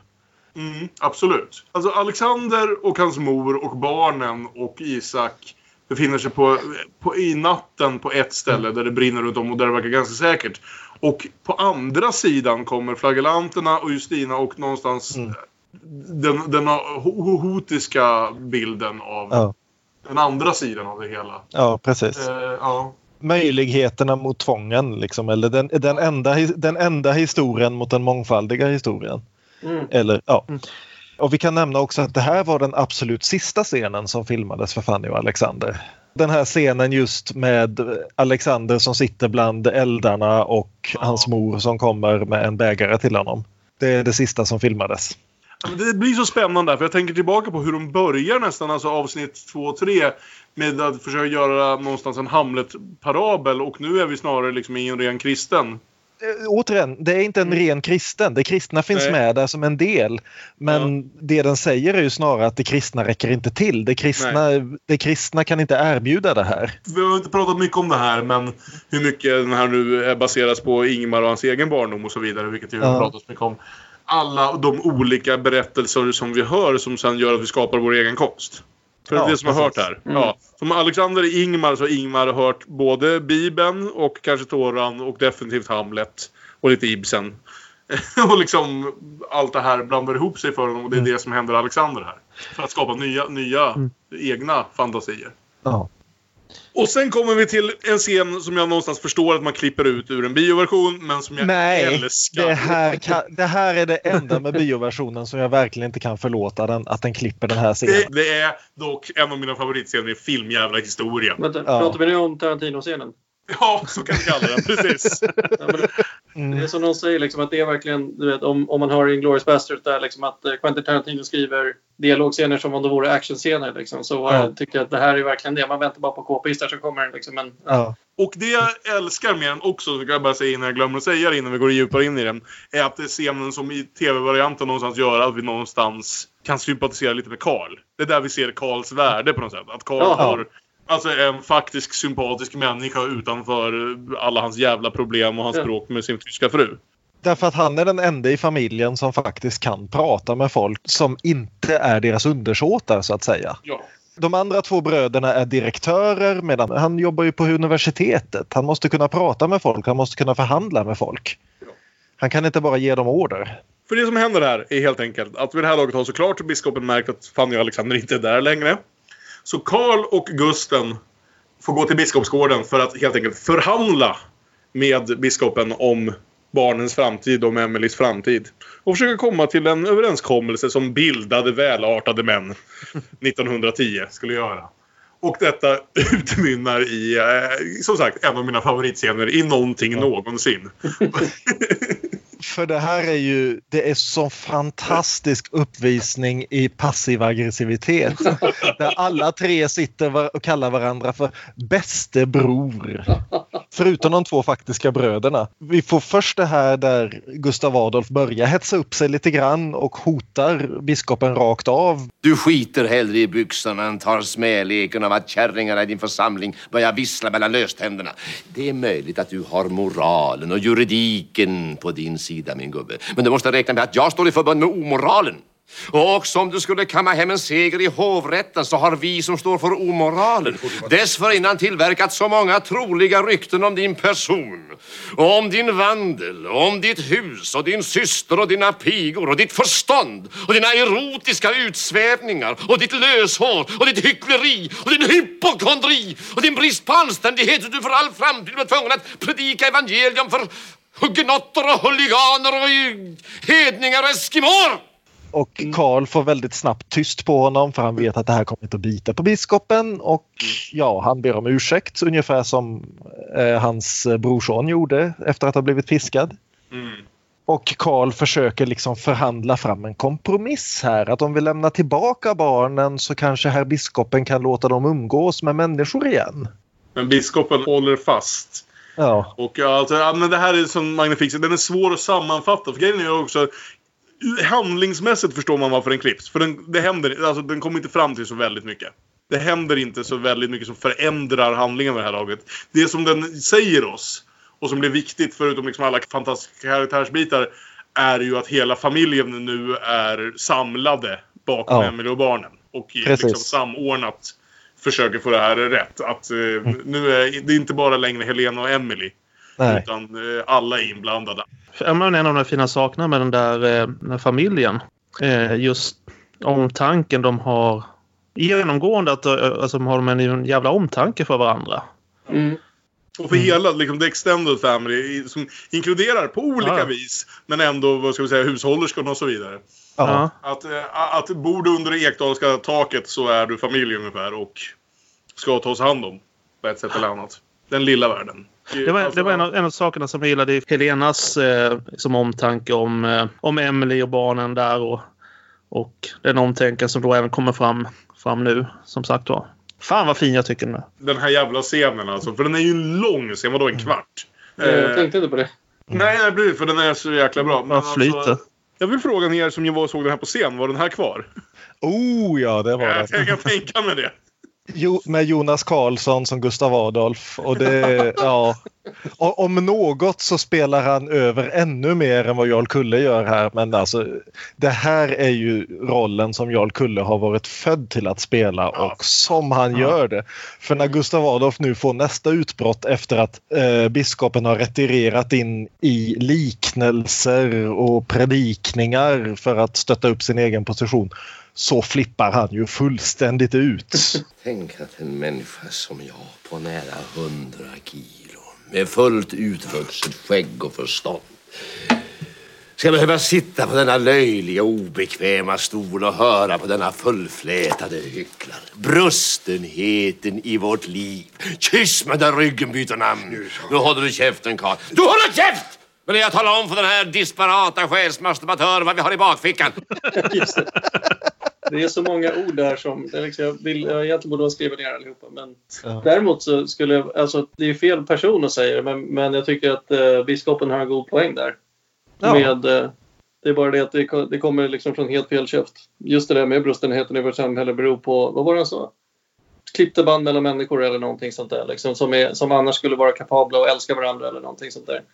Ehm, Han, han är ju en enorm hycklare när han säger Ja. det. Men Ja, det- definitivt. han, har, han har inte fel, Nej. men han, han, lever ju, han lever ju inte upp till det bättre själv. nej. Nej, har du hört talas om kristendomen? En massa bra Ja. poänger, ingen lever upp till dem.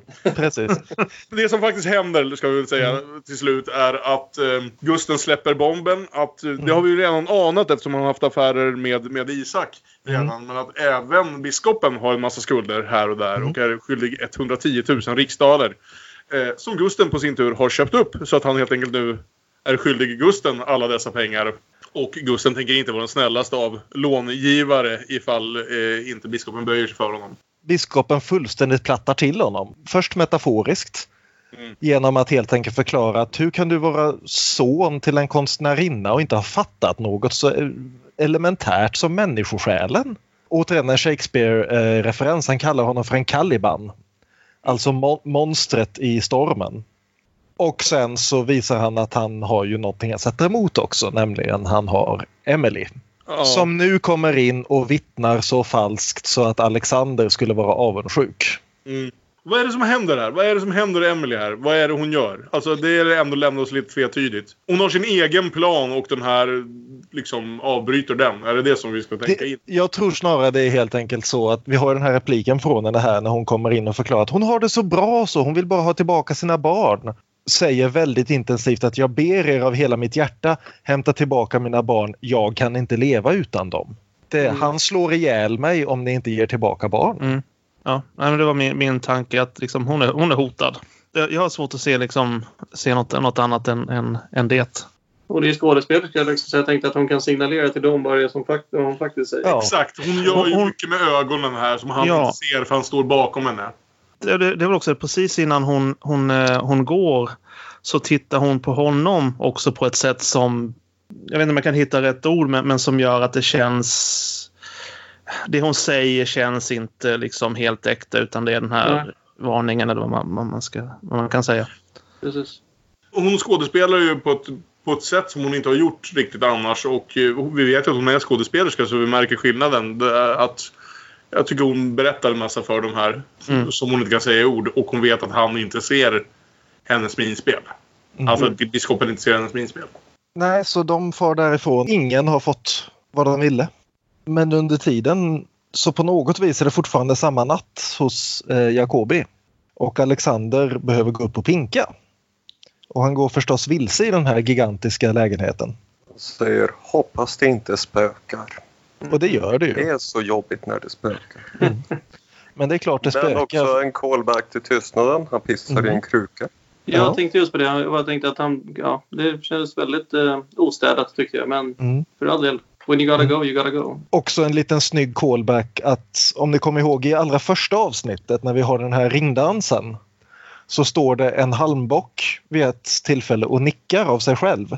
Jaha. Som är liksom någon sån här 1800-tals leksak så du börjar, det finns någon motvikt där så du sätter igång den och den börjar nicka och så kommer den att nicka i tio minuter och sen så slutar den. hela det här med levande statyer dyker upp återigen. Mm. För här i, hos Jakobis så står det statyer och nickar konstant. Det är kul att han inte blev minsta skrämd av det. Det är ju Nej, precis. jävla läskigt. Mm. Men, och där springer han då ihop med farsin och för första gången Efter, för, efter att ha kissat i en kruka. Mm. efter att ha kissat i en kruka. Det kan vi inte understryka nog. E- Efter att ha, and I cannot stress this enough, kissat i en kruka. Får han ju äntligen faktiskt en dialog med farsin. Och här, här ser vi just det där som någon nämnde tidigare att Alexander är alla tre brödernas son. Eh, därför att här går han snabbt från att vara Oskars son till att bli Karls son. Att Oskar talar om för honom att jag kan inte lämna er, jag har levt hela livet med er, att jag är död gör ju ingen skillnad. Och Alexander drar av det här slutsatsen att Gud skiter i oss allesammans. Det finns inget eh, liv efter detta, det finns bara att hänga kvar och Gud är en skit. Och alla runt omkring mig är idioter. Vilket Det är så är... spännande den där repliken. Ja. Jag kan inte lämna er. Ja. Hur den, eh, den kan vara så, så kärleksfull och samtidigt kan den också vara ett sånt hot. Mm. Alltid en bra replik. Och här är eh, Oscar lite, inte nödvändigtvis den käraste Oscarn. Inte en paradis-Oscar. Inte ett pensionat-Oscar. Inte det heller. Utan Inte här är han en Oscar. lit... eh, Jag vill också komma på en. här är han en lite mer ovälkommen gäst.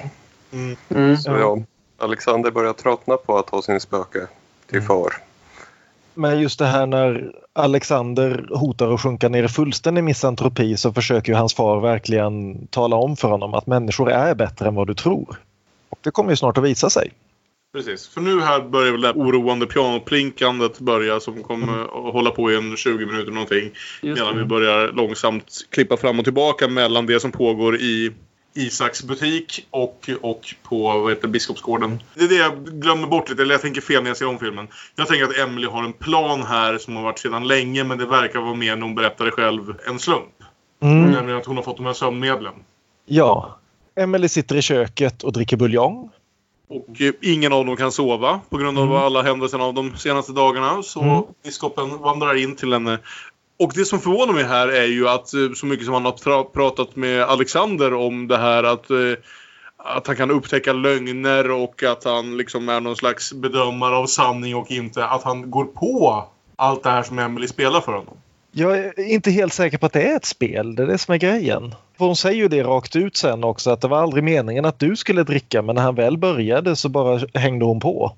Han kommenterade det, att han knappt kan tro att hon har, har ändrat Mm. sin uppfattning sådant. Att hon vill vara här med honom. Ja, men det är det hon säger. Hon säger det i så många ord egentligen. Hon säger jag stannar ju kvar. Hon säger inte att hon vill. Hon bara säger Nej. men vadå jag stannar ju kvar. Det är det bästa jag kan göra. Eh, Och sen har hon bara givit upp. Liksom. Ja, nu har vi antytt det här flera gånger. Det ligger alltså en väldig massa sömnmedel i den här buljongkoppen. Och det, det kan man nästan gissa sig till direkt. För det, i ett sånt här läge, i en sån här film, när någon sitter och dricker en stor kopp så ligger det någonting i den. Ja, precis. Det är ju möjligt till och med att det här är en avbruten självmordsscen. Ja. Det är sant. Fan, vad, det har jag faktiskt aldrig tänkt på i det här. Utan Det jag har tänker på ibland och sen berättelsen är att jag tänker att det här är planerat för alltså att hon vill förgifta honom. Mm. Vid det här laget. Men så är det ju inte. Det säger hon ju rätt ut senare. Mm. Ja. Alltså hon säger ju att, eh, också att han kommer att somna. Liksom. Hon säger inte att han kommer dö nu av det hon ger honom. Så jag tänkte Nej. liksom, Jag tolkade det även sen som att hon vill att han ska somna så tungt att hon kan fly. Ja, precis. Men då Ja. menar jag liksom att om det är ett självmordsförsök så tänker jag att då verkar hon ändå inte ha doserat det så mycket så att hon själv tror att hon skulle ha dött av det. Det var det jag tänkte. Liksom. Alltså att, Kan- ja. Kan, Men- kan det vara en, en, en, avbruten, eh, en avbruten abort? Eller, eller Ah, om inte barnet Det kan det också absolut vara. Mm. För hon, ho- hon hotar ju honom tidigare med det att vårt barn kommer inte att födas. ja. Det är ju en väldigt fin scen för biskopen där också. Mm. Biskopen, konstigt nog, ju närmare vi kommer slutet här, blir ju någonstans, jag ska inte säga helt sympatisk, men vi får se en annan sida av honom. Mm. Alltså det är någonting som irriterar mig nästan lite. Mm. Eh, Men, men. att de, de här stunderna, det- då kanske framförallt i de här scenerna, att det, det känns som jag nästan luras att känna medlidande med, med biskopsjäveln. Mm. Jag håller inte med. Vet du vet du Nej, varför jag inte håller med? heller. Vet varför jag inte håller med? Därför att det här visar på vad Emily har sett i honom som vi aldrig har fått se. För vi har haft extremt få scener med de två tillsammans. Och så har vi ändå behövt få ihop det här att hon någonstans valde att gifta sig med honom. Ja, ja. Och nu börjar vi se den sidan här precis på slutet. Vad, är det, vad såg hon i honom som förde okej, mig så i den här situationen? Ni håller inte med om att man ska, eller det, vår frustration håller ni inte med om, men ni tycker det är bra att man får se den sidan. Ja, dels det och dels också att de här ögonblicken när han tror att han blir mer sympatisk så att säga. För han har den här utläggningen om att hon eh, som skådespelerska är van att bära många masker. Han har alltid bara burit en och samma mask och nu kan han inte slita loss den. Mm. Och han går in på det här att han blev så förvånad över att Alexander hatade honom. Han har aldrig ens slagits av tanken att någon skulle kunna hata honom. Ja, ja. Och någonstans så tycker jag att just den avslutningen på den här utläggningen gör honom verkligen spika fast honom som skurken. Han tror att det här är ett försvar för honom men det är i själva verket ett bevis på att han är fullständigt... Att han är en psykopat liksom. Ja, att han, att han är helt och hållet oresonlig, oförsonlig. Det är en god poäng. Han är ju väldigt dogmatisk, tror på en sanning. Men här kallar han ju det också för en mask. Så som vi var inne på att han är ju också en lögnare. Mm. Någon slags självinsikt här. Och att han säger att han är rädd för Alexander. Ja, Någon som ser igenom masken. Han har liksom allmänt alltid mötts med respekt med liksom folk som har böjt sig för honom. Ungefär som Emily gjorde till att börja med. Liksom, han kom med vackra ord med, som hon säger själv, han eh, kom med strikta löften om vad som skulle Mm. kunna vara och så vidare. Men ny sätt att leva på. Och folk har för det mesta trott på honom oavsett det liksom församlingsmedlemmar eller hans båda hustruar får man väl tro och så vidare. Och Alexander är den första som har erbjudit ett faktiskt motstånd till det här. Och Det är klart att någon som är så fast i sin självbild som honom så får det honom att börja ifrågasätta vad fan det är som pågår. Men jag håller ju också eh, med om det, om det ni säger om, om biskopen också. Alltså grejen är, jag, jag tror att den där lilla som flyktiga stunden av medlidande jag känner, som, det är också det som, eh, som Emily en gång föll för. Men, men det går över väldigt snabbt. Och det är överlag liksom väldigt, väldigt snyggt gjort. Det jag blir irriterad över är att jag faller för det, om något. Jag vill vara tydlig med att det betyder inte att jag vände och tycker åh nej vad synd att vi blev av med honom. Nej. Bara, ja. Han brann, men han brann för sent. Men, men, det, men det är också... Han, han brann precis i tid som vi kommer att se snart. Vi, vi ska ju nämna det också att det, det är en liten konstig anakronism här. Att han inleder sin monolog med att förklara att himlakropparna rusar bort från varandra. Vi befinner oss mitt i en explosion. Något som alltså Edwin Hubble observerade och bevisade 1925. Bakläxa på fysikläxan Ingmar. ja. jag tror som- kyrkan kunde sånt lite tidigare.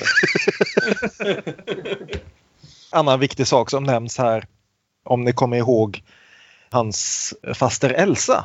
Spelad av en dansk skådespelare. Fet, invalid gammal dam som inte haft en replik på hela filmen utan mest sett lite creepy ut. Mm. Nu ligger på sitt yttersta. Mm, och precis. doktorn ska komma på morgonen och se vad han kan göra för henne. För detta kommer att komma tillbaka. Och efter att få sö- sömnmedlet så går biskopen in och tänder lampan hos henne. Hon säger någonting här. Hon är rädd för att det är mörkt. Hon säger att det är så mörkt. Hon- Det är så mörkt ja. Så ja. han tänder en fotogenlampa nära henne.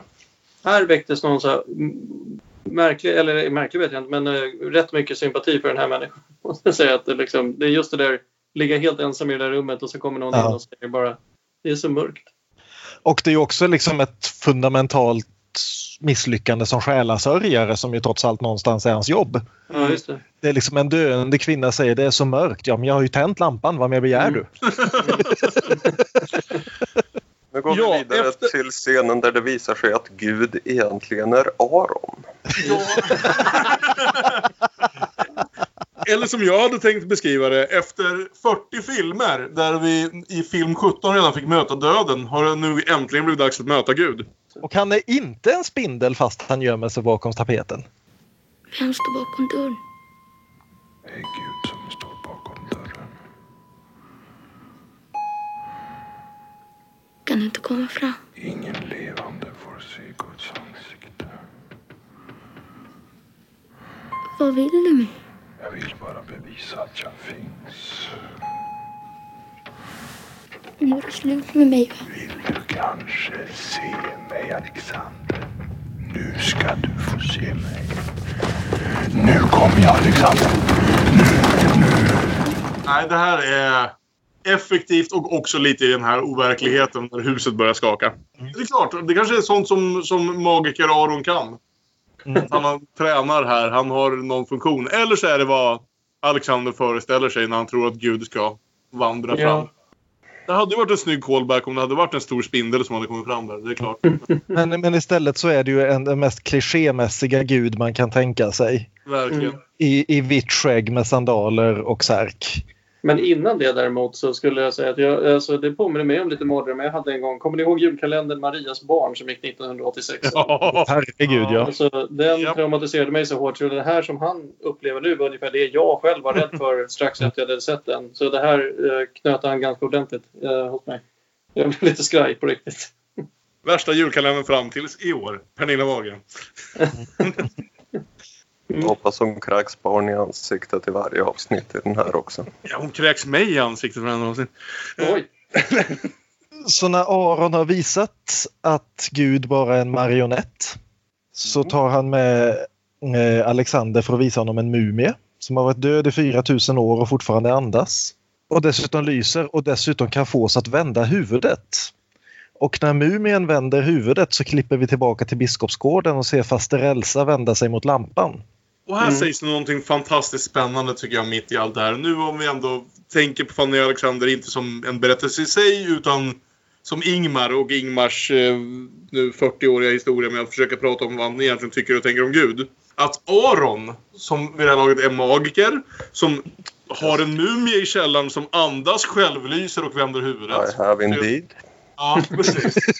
Och som har en magisk brorsa som vi snart ska lära känna. Mm. Kommer ut som Ja, ateist. det var väl Just det här att den människan som uppenbarligen har de mest påtagliga bevisen för magi i världen i sitt eget hus Mm. är den som kallar sig själv för en ateist i en Bergman-film. Ja, det är en skitbra Ja. förklaring. För egen del är jag ateist. Om man har blivit uppfostrad till magiker och lärt sig alla knepen redan från barndomen så betackar man sig för utomvärldslig inblandning. Som trollkarl tillverkar jag det begripliga. Åskådarna får stå för det obegripliga. Det är ju han som är Gud i sin lilla värld. Ja. Det här är en polyteistisk film. Om han nu bara, bara inom citattecken, är en väldigt skicklig magiker så bor han ju i ett hus med två människor som, som vi ju kommer att få se uppenbarligen har magiska krafter. Jag gissar att han är medveten om det för han är väldigt... Särskilt inför Ismael är han vä- väldigt försiktig. Ja, just det. Han Aron är inte direkt för- familjens stolthet. Hans sätt att presentera sig för Alexander där är ju så jävla bra också tycker jag. Jag heter Aron, här, min bror heter Ismael, våra föräldrar dog. Det är också en riktigt fin scen för det är ju liksom verkligen för att etablera någon sorts empati återigen med Alexander där. Ja, ja. Han trycker inte på det, han liksom bara säger jag vet hur du har det, jag har själv varit med om det. Ja. Ja, just det. Det är klart. Jag bara såg det när han, sättet han levererade på antar jag. Liksom, där jag bara Mm. tyckte att det var, det var så schysst. Liksom. Ja, det, var, det var inte fel. Liksom. Nice to meet you. Och som sagt, den enda av Ingmars barn som får göra en riktig skådespelarinsats i någon av filmerna. Och väl gör det med den äran tycker jag. Jo, men jag tycker han är bra i den här. Det tycker jag med. Men vi klipper tillbaka till Biskopsgården där Emily nu alltså erkänner att hon har blandat en massa sömnmedel i den här buljongen. Och att om några sekunder kommer du att somna och sen så kommer jag att gå hem till mina barn. Eh, Hon, hon säger inte bara mina barn utan hon säger till mina barn, mitt hem, min familj. Mm. Hon är ingift men hon är fan med en Ekdal. Och vi får den här fantastiska Sven Nykvist-scenen som något rakt ur, eh, oh vad heter den? Caligari. Caligari. Caligari. Ja! Det, det är en scen rakt ur eh, Caligari här där han liksom studsar upp mot den här vita väggen och står där med sin egen skugga och försöker spy. Och liksom krumbuktar sig och vrider sig. Mm. Inte av smärta utan av ångest därför att han vet att hans kropp är precis på väg att förråda honom. Det för Och hans ande över materia. Ja, precis. Väldigt bra poäng där faktiskt. Han både lovar Emily och hotar henne i samma andetag. Mm. Börjar hävda att hans syn försvinner, vilket jag alltid blir osäker på om den faktiskt gör. Eller om han, det är ett sista försök till sympati för att få henne att vända om. Ja. Och sen klipper vi tillbaka till Jakobis där vi ska få träffa Ismael. Ja, det blir dags att ta Ismael hans frukost. Vi har talat om denna Ismael. Jag tror inte vi har pratat om Ismael tidigare. Men Nej. Ismael är alltså Arons bror som är en speciell person. han har presenterats av Aron här nyligen, men jag kommer inte ihåg vad han säger. Alltså de presenterar honom lite som de presenterar Hannibal Lecter brukar jag komma på. Ja, precis. Eh, Jag tänkte på det mycket mer välvilligt än så faktiskt, men nu blir det svårt att tänka bort. Ja, Fast, fast det är ändå så här, man måste gå in genom den speciella dörren och låsa Ja. upp den stora grinden för att ens... Och liksom ha med en särskild bricka för att ens kunna ta in den till Ismael. Ismael är precis lika inlåst som Fanny och Alexander var i Biskopsgården. Han står lugnt mot väggen där. Det är nästan som man hör där. Hello Clarice. Ja, men exakt. Alltså det är lite verkligen den. Och eh, precis som, vad heter det, fastän i Biskopsgården så har vi även ett, ett fall av att... Genderbending. Ja, exakt. Att rollbesätta en manlig roll med en kvinna till skillnad från den andra då, så är en kvinna besatt med en man. I det här fallet då Stina Ekblad. Ja. Den från låten Stina Ekblad av Trio Lego. Stina Ekblad läser finlandssvensk poesi. Stina Ekblad. Var Stina Ekblad berömd vid det här laget? Eller det är efter det här, tänker jag mig. Nej, det var inte riktigt hennes första eh, film, men eh, hon hade alltså debuterat. Hon hade gjort en film tidigare och hon hade gjort sin första större roll på Stockholms stadsteater 1980. Så hon var ju precis i början av sin karriär här. Precis. Och hon ser ut som David Bowie. Ja. Tunn vit hertig. Inga ögonbryn. Ja, du har rätt. Det är väldigt The Man Who Fell to Earth. Ja. Och här då så kommer ju magin in på fullt allvar. Precis. För nu klipper vi fram och tillbaka mellan Ismael som läser Alexanders tankar och går in och gör det han har bett Gud att göra. Nämligen döda biskopen. Klockan är fem på morgonen och solen har just gått upp. Dörrarna slås upp. Nej, vänta. Först ett skrik. Ett ohyggligt skrik som går genom huset. En oformlig brinnande gestalt rör sig över golvet, skrikande. Jag vill inte. Släpp mig. Släpp mig. Och det vi ser hända i Biskopsgården medan Ismael då på ett ganska creepy sätt och Bergman sa väl vid något tillfälle att skälet till att han kastade en kvinna i den här rollen var att han ville ha den här androgyna spänningen. Mm. Återigen, vi har etablerat att Alexander är lite grann på väg in i puberteten. Han blir jättesur när han inte fick ligga i Majs säng. Mm. Och det är liksom att det är både en våldsspänning och en erotisk spänning mellan dem. Som är väldigt, väldigt, väldigt opassande. Ja, jo. Men jävligt effektiv för, Ja. för obehaget i och scenen. att Ismael hela tiden säger det är inte jag som talar, det är du själv. Jag är din ängel som beskyddar dig. Det vi ser hända i Biskopsgården är att faster Elsa slår omkull lampan, fattar eld och springer ut ur rummet. Och vi hör ett skrik. Ja, det här är förresten den, den bilden som typ gjorde min fru lite orolig att den ser om den här filmen för hon är så traumatiserad. Ja. Just den här bilden på fastern i full brand. Ja. Som kastar sig ut genom dörren. Från, hon såg den också lite för tidigt. Här är en grej som slog mig när jag såg om bioklippningen. Det här skriket. Det är inte Jan Malmsjö som skriker. Nej. Nej. Och det är inte den här dansken som spelar faster Elsa. Jag är ganska säker på att det är Eva Frölings skrik från eh, akt 2. Ja, det var det jag tänkte på också. Att det var det jag kände Det är nog, det är nog mycket möjligt. Ja. Mm. Det, det här när hon står inne hos Oscars lik och bara gallskriker hela natten. Mm. Det är ett av de skriken som är inklippt här igen. Så det här är verkligen betalt för all gammal ost. Biskopen var visserligen inte skäl till att Oscar dog men nu, han ska ha betalt för det också. Och, och det är intressant att vi får ett sånt abrupt klipp här någonstans till nästa scen. Där Mm. Emily ligger hemma i det Ekdalska huset igen. Barnen är bara där igen. Vi har liksom, jag säger inte att det känns som en scen saknas utan det är nästan me- mer att det gör, gör det mer spännande. Men det är också Mm. intressant hur snabbt vi faller ur. Alltså den här jävligt suggestiva spänningen som har byggts upp med det här pianoplinkandet under de sista 15-20 minuterna. De här korsklippningarna fram och tillbaka mellan, Ja. mellan eh, Biskopsgården och eh, Jacobis butik. Mm. Eh, och så helt plötsligt så är vi någon helt annanstans. Någonstans som vi kopplar i den här filmen tillbaka till, liksom, ja, men till hem i stort sett. På, Ja. på det varma sättet. återigen, alltihopa det här började ju för fyra, ja, nästan fem timmar sedan nu Mm. med att Alexander satte sig vid en liten teater och drömde sig bort.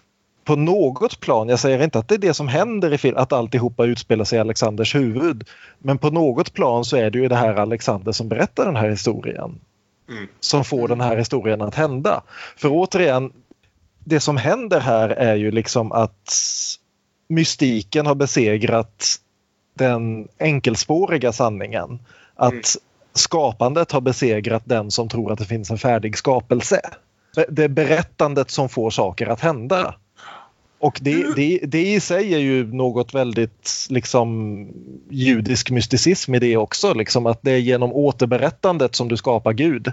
Hur känner du att allt det fungerar när man sen ser bioklippningen? För jag tror att det är det som är mitt minne av Det är ju- är evigheter sedan jag såg Ja. bioklippningen. Just det här att det här blir lite hejsan hoppsan när vi inte har fått det lika uppbyggt. När vi inte har fått den andra världen lika Ja. Liksom, stilsatt. För den, den krävs ju där för att avsluta filmen så att säga.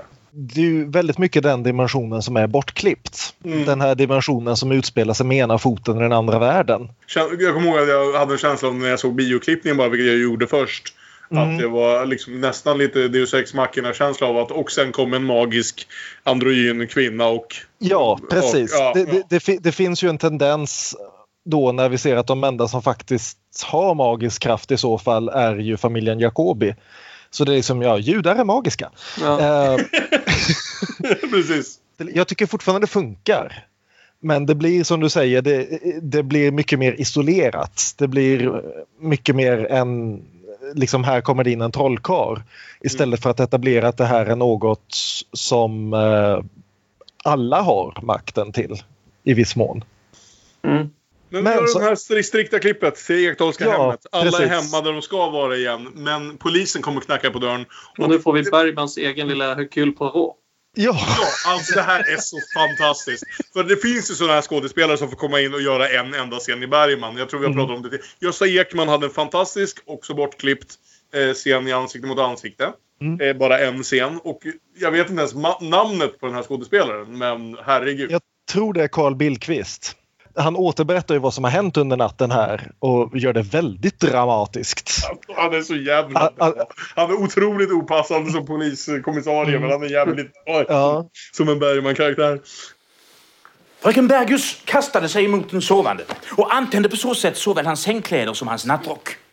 Hans högvördigt vaknade och lyckades befria sig från den döende och alltjämt brinnande kvinnan. Men han kunde inte själv släcka den eld som nu förtärde honom. Gamla fru fann sin son med sönderbränd underkropp och förkolnat ansikte. Och klipp till den här otroligt obehagliga och ändå tillfredsställande någonstans bilden på Jan Malmsjö långsamt döende efter att allvarligt ha skadats av en brand. Ja, och Bergman är noga med att påpeka att hela hans underliv var förbränt. Så, ja. Tack för den Ingemar.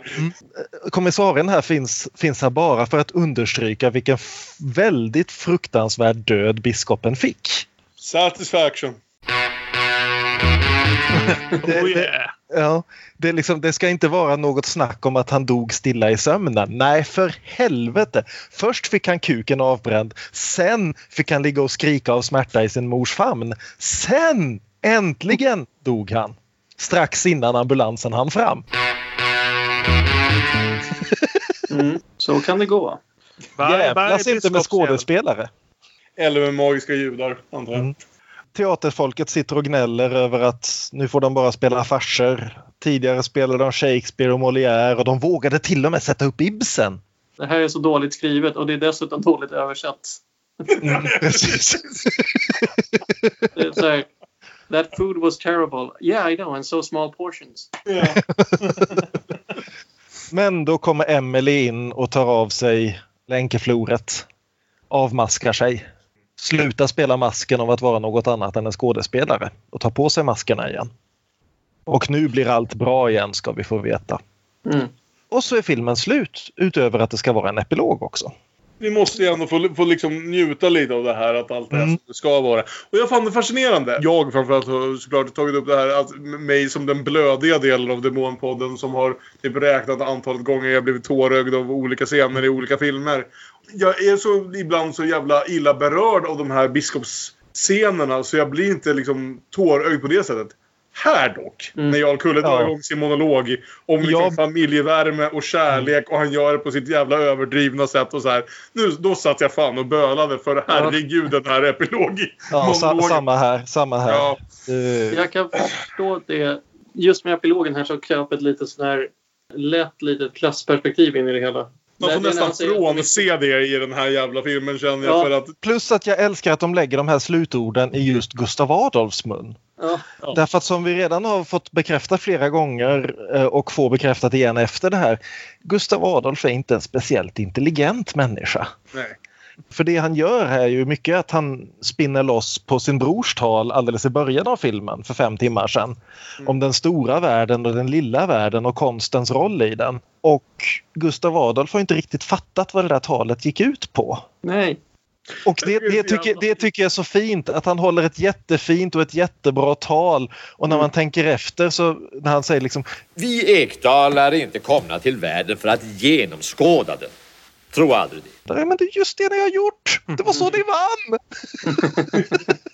Jag tror det var den här scenen. Och du får rätta mig Björn om, eh, om jag är helt fel ute. Men en av få sakerna som jag minns från eh, Dramatenversionen. Ja, när Jonas Karlsson eh, körde en, en grej. Han presenterade något barn som Estelle. Det var precis efter eh, Ah, prinsessan Estelle hade, hade fötts. Det hade jag glömt, men det Ja. stämmer. Ja. Jag, jag, jag kommer inte ihåg exakt vad han sa men det var jävligt roligt i alla fall. För den här festen ska vi säga, det är alltså ett dubbeldop för Majs och Emelies barn. Mm. Och Maj är ju så obekväm att sitta där för hon har ju liksom fått honnörstronen med Gu- Gustav Adolf i mitten med de två mammorna på varsin sida var- framför varsin totalt överdriven jävla krubba eller Ja. vagga med barnen som ligger i. Som är det mest alltså som sagt bara, Ja. påkostat om vi Och säger så, så. och så Gustav Adolfs fru bredvid henne. Ja, exakt! Vid det här laget är allting Ja. öppet liksom. Det är ju det som är så fantastiskt. Och så naturligtvis otroligt orealistiskt. Visst, klassperspektiv på att det här är överklassen och eh, som inte har någon kanske stor inblick eller ens bryr sig särskilt mycket om det, vad ska jag säga, den stora underklassen i helhet. Så det är helt klart att den här familjen bryr sig inte om den stora världen. De bryr sig om den lilla världen. Det är det vi, han kommer Ja. tillbaka till om och om igen. Men i alla fall de från den, de lägre klasserna som tagit sig in i just deras lilla värld tar de ju väl hand om. Ja, och, och vi har den här fantastiska lilla scenen som... Det här var en grej som verkligen slog mig när jag såg Dokument Fanny och Alexander. För där ser vi ju första tagningen av den här scenen. Där de alltså har ställt upp kameran i mitten av det här runda bordet när Jarl Kulle börjar gå runt det och hålla den här monologen. Och då går han här och berättar den här monologen och då sitter Gunnar Björnstrand där och Jarl Kulle går förbi honom och fortsätter monologa. I filmen, som ju då är en senare tagning, så stannar han upp vid Gunnar Björnstrand som vid det här laget alltså vet vi var, om inte aktivt döende så i alla fall väldigt, väldigt sjuk i Alzheimers och har fått kämpa som fan för att klara av den lilla rollen han har. Och Jarl Kulle böjer sig fram och kysser honom på huvudet. Ja, jag noterade också den stunden och blev, undrar om inte jag också snyftade lite. Ja, fy fan hörni. Det är ett väldigt fint tal men också som vi sa, det är ju inte direkt någon stor sanning han kommer här med. Han, han förstår inte riktigt poängen han gör och det tycker jag också är ett väldigt fint, det stora talet på slutet kanske inte riktigt hade förstått. Nej. Men det är blir också... i det. Slutklämmen på det hela är ju att han lyfter upp sin, sin nya dotter och jag kan knappt prata om det men det... Jag håller en liten kejsarinna i mina armar. Det är fattbart.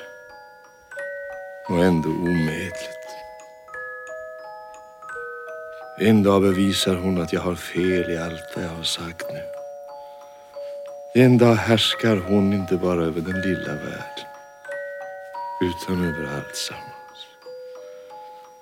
Allt sammans. Och så slutar alltihopa med ett stort jävla släktfoto där hela släkten, alla tjänare, alla skådespelare, allesammans är med. Men det är inte slut där. Det hade ju så lätt kunnat vara slut. Och jag tycker det är fina här att det inte är slutet. Vi har tio minuter kvar. Det där Ja. hade varit ett slutet för, jag höll på att säga nästan Hollywood-versionen. Alltså Ja. där alla till slut är lyckliga. Men vi måste ju gå bakom scenerna på allt det här och se. För, för, för, de- för ja. de som har missat det så får vi göra två scener här som understryker vilken idiot Gustav Adolf är. Ja. För, först så får vi Lena Olin som den nya barnflickan. Ja. Åh, alla har varit så snälla. Speciellt direktören. Men där börjar man bli... Jag känner liksom, okej, men enough is enough. Liksom. Man känner, ja, nu är allt tillbaka i det gamla goda. Och han är sån kåtbock som han alltid har varit. Liksom. Ja, Ja. men det, Och sen så kommer Maj och Petra och letar upp Emily. Petra har vi inte diskuterat mycket. Det är alltså Gustav Adolfs äldsta dotter som är Ja, det är möjligt att hon är hans dotter med något annat snedsprång. Men hon är i alla fall bra mycket äldre än hans andra barn. Mm. Och hon har nu liksom tagit Maj under sina vingar. Rel- Relationen mellan Maj med den familjen i stort sett. Alltså eh, hur Maj accepteras av Alma känns ungefär lika fint och konstigt som att Maj accepterad av Petra. Petra. Jag tänker ju det här som Maj berättade förut, att Maj kom till familjen innan ens Fanny var född. Jag tänker mig att Maj och Petra är jämnåriga och säkert har känt varandra sedan de båda två var en 13-14 år. Att det blir liksom ganska naturligt att de har på något sätt växt upp i det här huset. Mm. Okej att hennes pappa började titta konstigt på hennes bästa kompis i något läge när hon liksom blev förhoppningsvis myndig. Men Men det är, en sån, det, det är en sån naturlig del vid det här laget att ingen höjer på ögonbrynen. Gusten har ju till och med en replik tidigare där ute på sommarstugan. Att men jag älskar ju Maj precis lika mycket som jag älskar Petra, Putte och Jenny. Jag är inte precis på samma sätt förstås. men, men, men Petra har nu i alla fall bestämt sig för att nu jävlar får Maj sluta krypa inför hennes pappa. Nu ska hon liksom... Han är så snäll! Han är så snäll, han vill mig bara väl. Ja, men han ska inte få låsa in dig i ett jävla konditori så att han har dig tillgänglig. Du, nu ska du och jag, vi ska åka till Stockholm och vi ska ta jobb hos vem då? Egerman! Egerman. Fucking Egermans! Så fick de vara med på ett hörn också. Klart de skulle vara med. Alexander springer omkring i natten denna gång för att inte för att behöva pinka i en vas utan för att Vi vet inte att han inte har pinkat i en vas. Nej, men i huvudsyftet är i alla fall att gå och nalla lite fler kakor. Och det är ju bara en sån här fin bild av att Alexander nu är tillbaka i en värld där hans sysslor mitt i natten kan vara att, att gå och nalla kakor, inte att möta Gud eller behöva liksom undvika spöken. Ja, Eller? Jag skulle tänkt lite Eller? mer på det där med att undvika spöken. För någon gång knuffar ju till honom. För alltså det, är no, det är så konstigt det här att jag minns det här som sista scenen. Jag minns att det slutar med det här och jag är nästan lite tacksam att det inte slutar riktigt så jävla mörkt som det skulle ja, men antyda. verkligen. Men jo, för någon knuffar honom i ryggen så han faller ner på golvet. Och vi ser bara det här stora hängande eh, gyllene krucifixet. Problemet med att ens ärkefiende har dött i en värld där det finns spöken är att nu är han ett spöke och precis som pappa inte kan lämna honom så Mm. har, han- har han nu Mm. även biskopen för evigt hängandes över axeln. Mig slipper du inte. Men är inte pappan kvar kan de inte ha en Ghost fight? Liksom? Det borde de ju kunna... Ja. Man tycker ju det. Ja. Ja, Ja, väl, det blir uppföljaren. precis. För biskopen går nu omkring i det Ekdalska hemmet som ett spöke. Och jävlas med Alexander. Mm. Eh, ja. Samtidigt som Emily och Helena har en sista konversation. Där Emily får föreslå att Helena, som för en sista roll, ska bli skådespelerska igen. Mm. De ska nämligen spela upp en pjäs, tycker hon, av den hemska kvinnohataren som Helena kommenterar, August Mm. Strindberg. Ett drömspel. Ni två har ju redan sett hur det blir när Bergman försöker göra ett drömspel och det blev väl sådär men... Han, han har gjort den fler gånger, men förhoppningsvis bättre. Ja, Det- det en pjäs som hade kommit åtta år tidigare. Av någon värsting. Nu ska vi få våran teater att vara lite i framkant igen. Så slutar då filmen med att Helena sätter sig i soffan. Alexander kryper upp i hennes knä och hon läser högt ur prologen för ett drömspel. Allt kan ske. Allt är möjligt och sannolikt. Tid och rum existerar icke. På en obetydlig verklighetsgrund spinner inbildningen ut och väver nya mönster. Vilken jävla film. Ja, den är väl okej. Ja. Hur känner du Aron? Det känns som att du nästan, kanske nästan höll på att säga lite oväntat var den som kom in minst bekant med den här. Eh, Ja, jag var inte särskilt bekant med den här och det var väldigt mycket jag inte kände igen. Jag vet inte om det är film eller tv-versionen jag såg för ett antal år sedan. Men eh, det är ju underbart. En sån sprudlande berättarglädje. Ja, men det är ju det. Och det här med de olika versionerna, det är ju kul att läsa om. Ja, han insåg ju under produktionen att fan det här blir långt. Så, så då kom ju Snilleblixten. Ja, men vi gör en tv-version och en filmversion. Mm. Underbart. Så han klippte ihop sin eh, tv-version, fem och en halv timme eller vad det nu är. Ja. Och sen tänkte han, ja då ska man väl sätta ihop den där filmversionen också. Det kommer att gå ganska lätt, jag vet precis vad jag ska ta bort. Två och en halv timme ska det bli. Satte sig ner och klippte. Men fan, filmen var ju fortfarande över fyra timmar. Så då fick han göra den jobbiga klippningen där han började klippa i de riktiga livsnerverna i berättelsen. Och ja, det låter väl på Björn som att det gick hyggligt ändå. Det är ju versionen som vann fyra Oscars ska vi säga direkt. Liksom. Ja. Ända fram tills Criterion tog fram tv-versionen eh, tror jag vid typ 2003 eller någonting när jag köpte lådan. Ja. Tror jag inte att någon förutom vi svenskar här i världen hade sett den långa versionen. Och vi, vi får ju passa på att uppmuntra alla att gå in på Youtube och leta upp när de delar ut Oscar för bästa utländska film. Den var ju på förslag till bästa film överhuvudtaget och fick väldigt mycket nomineringar till det. Men eftersom svensk filmindustri nominerade den till bästa utländska film så kunde den inte nomineras till bästa film. Det var ju Men- krångel, för så var det ju inte med viskningar och rop. Jag kommer aldrig förstå Nej, det här jävla precis. regelsystemet. Ja. Men hur som helst, eftersom Bergman inte ville åka till Los Angeles så skickade de ju dit någon annan från svensk filmindustri att ta emot priset. Så den som vill se en stupfull Jörn Donner gå upp och prata engelska bör kolla upp det klippet. Och istället var det Gandhi som vann bästa film för 82. Äh, för 83, för den här gick upp 83 i USA. Ja, då Så, var så det, det, det är ju 84 års eh, Oscarsgala som det här. borde ha varit... eh, Ja. Då var det Terms of Endearment. Ja. Också bra. Jag har inget emot Terms of Endearment. Vi kan prata om det i en annan podd någon gång. Men en sak som, eh, som eh, lite intervjuer med den gode Ingmar har eh, lärt mig att tänka på är att han säger ju att båda de här sidorna, dels den ekdalska värmen och Biskopsgårdens kärvhet var ju båda två delar av hans uppväxt i en familj. Mm. Så är där är vi ansikte mot ansikteland.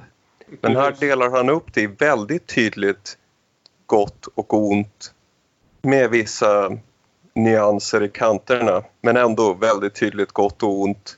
Biskopen ska dö den mest fasansfulla döden. Mm.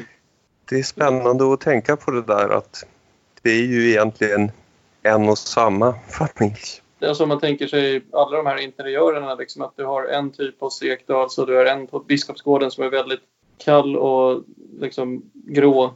Och en annan som Mm. är färgglad och härlig och inbjudande. Och sen har du också Jacobis butik som är rörigare men mer levande än någon av de två. Att det liksom blir någon form av jag vet inte om man ska kalla det för överjaget, jaget och iddet eller någonting. Liksom. Men det, alltså, det går väl ändå att tolka eller liksom se det som att det är en aspekt av hela Antingen av en familj eller en människa eller vad det nu kan vara. Ingmar ska vara självbiografisk så diktar han ju ganska fritt ändå. Så, Mm. så när han säger att ja och nej på frågan om den är självbiografisk den här så är kanske det Han har också sagt att det är mycket av honom i Biskopen. Just det. Nej, det här har nog cementerat. För mig är det här alltså förmodligen min favorit av alla de här filmerna vi pratade om. Jag funderar nästan lite på om jag skulle kunna kalla den en av mina fem favoritfilmer överhuvudtaget av allt någonsin. Jag älskar den här jävla filmen. Och jag älskar just den här, för det här har jag märkt med mig själv och då kommer man märka att jag älskar uppenbarligen filmer med som skapar såna här hela världar. Som inte fokuserar på en eller två personer. När jag tänker på vilka mina favoritfilmer är så är det uppenbarligen det jag älskar. Att, att ha ett dussin karaktärer. Där alla lyckas någonstans liksom detaljeras ut. Trots att de ibland kanske har liten speltid genom fantastiskt skådespel, genom ja, men ett rikt persongalleri helt enkelt och en stark ensemble och som får skapa sin egen lilla värld och där Mm. någonstans fastnar jag. För det, när jag tänker på mina andra absoluta favoritfilmer oavsett vi pratar om, som vi pratade om bara här veckan, om Magnolia eller Gökboet eller Do the right thing som väl de tre skulle sätta tillsammans med Fanny och Alexander om jag skulle behöva göra någon sån där. Eller alla de fyra filmerna har det. Ett stort persongalleri med liksom fantastiska skådespelare min, in i minsta roll. De skapar sina egna små världar och där någonstans faller jag ta mig fan platt. Och eh, vi kan slänga in aliens där också då så får vi en jämn femma. Den också stämmer. Eh, För det stämmer faktiskt in på den också. Eh, Om än en lite annan situation. Nej, det, jag lever mig in i den här jävla världen som den skapar så väl. Och, och liksom det är sånt som gör att jag inte vill tappa bitarna ens med liksom Carl och Lydia i slutändan. Trots att de inte egentligen spelar så stort in på filmen i helhet. Det är en sån rik, fantastisk, varm och ändå hemsk jävla film i bitar. Och att den kan vara alla, alla de sakerna på en och samma gång. Utan att det liksom krockar för hårt. Jo, och jag känner också liksom efter att nu har vi suttit här i snart ett år och sett på Bergman-filmer och många av dem har varit fantastiska, många av dem har varit mindre fantastiska. Några som den vi såg för två veckor sedan har varit en ren pina att ta sig igenom. Och så på något vis så kommer han liksom med Fanny och Alexander och det, det är som en stor liksom koralfinal liksom. Det är verkligen nu han- har spelat på så många olika stämmor så nu plötsligt så öppnar han alla ventilerna och släpper ut alltihopa på en gång. Mm. Och får det att harmonisera med varandra. Det är, det är så fantastiskt skrivet det här också. Och fotot. Och... Ja. Mm. Och får man känna lite nu åt om, om eh, Demonpodden, liksom Fanny och Alexander, följer den här femaxstrukturen. Så var det här förmodligen finalen och det vi har kvar i epilogen. Ja. Vi har ändå, ska vi säga, åtta jävla avsnitt kvar. För även om Ingmar slutade, påstod sig sluta göra film här så kunde han ju inte riktigt hålla sig borta. Utan vi har väl ett gäng eh, både biofilmer och tv-filmer, framförallt tv-filmer, där han ungefär har skrivit hälften och regisserat hälften. Men han skulle aldrig mer regissera något som visades på bio eller var menat att visas på bio i första hand. Utan Nej, ett par av dem gick väl upp på bio men... när det det var ju- visades i Cannes och sådana saker. Men Ja, precis. är ju hur den är utformad, en tv-film. Någon som har några fler avslutande ord om Fanny och Alexander? Eller har vi pratat nog om det, höll jag på att säga? Jättekul att se Uppsala.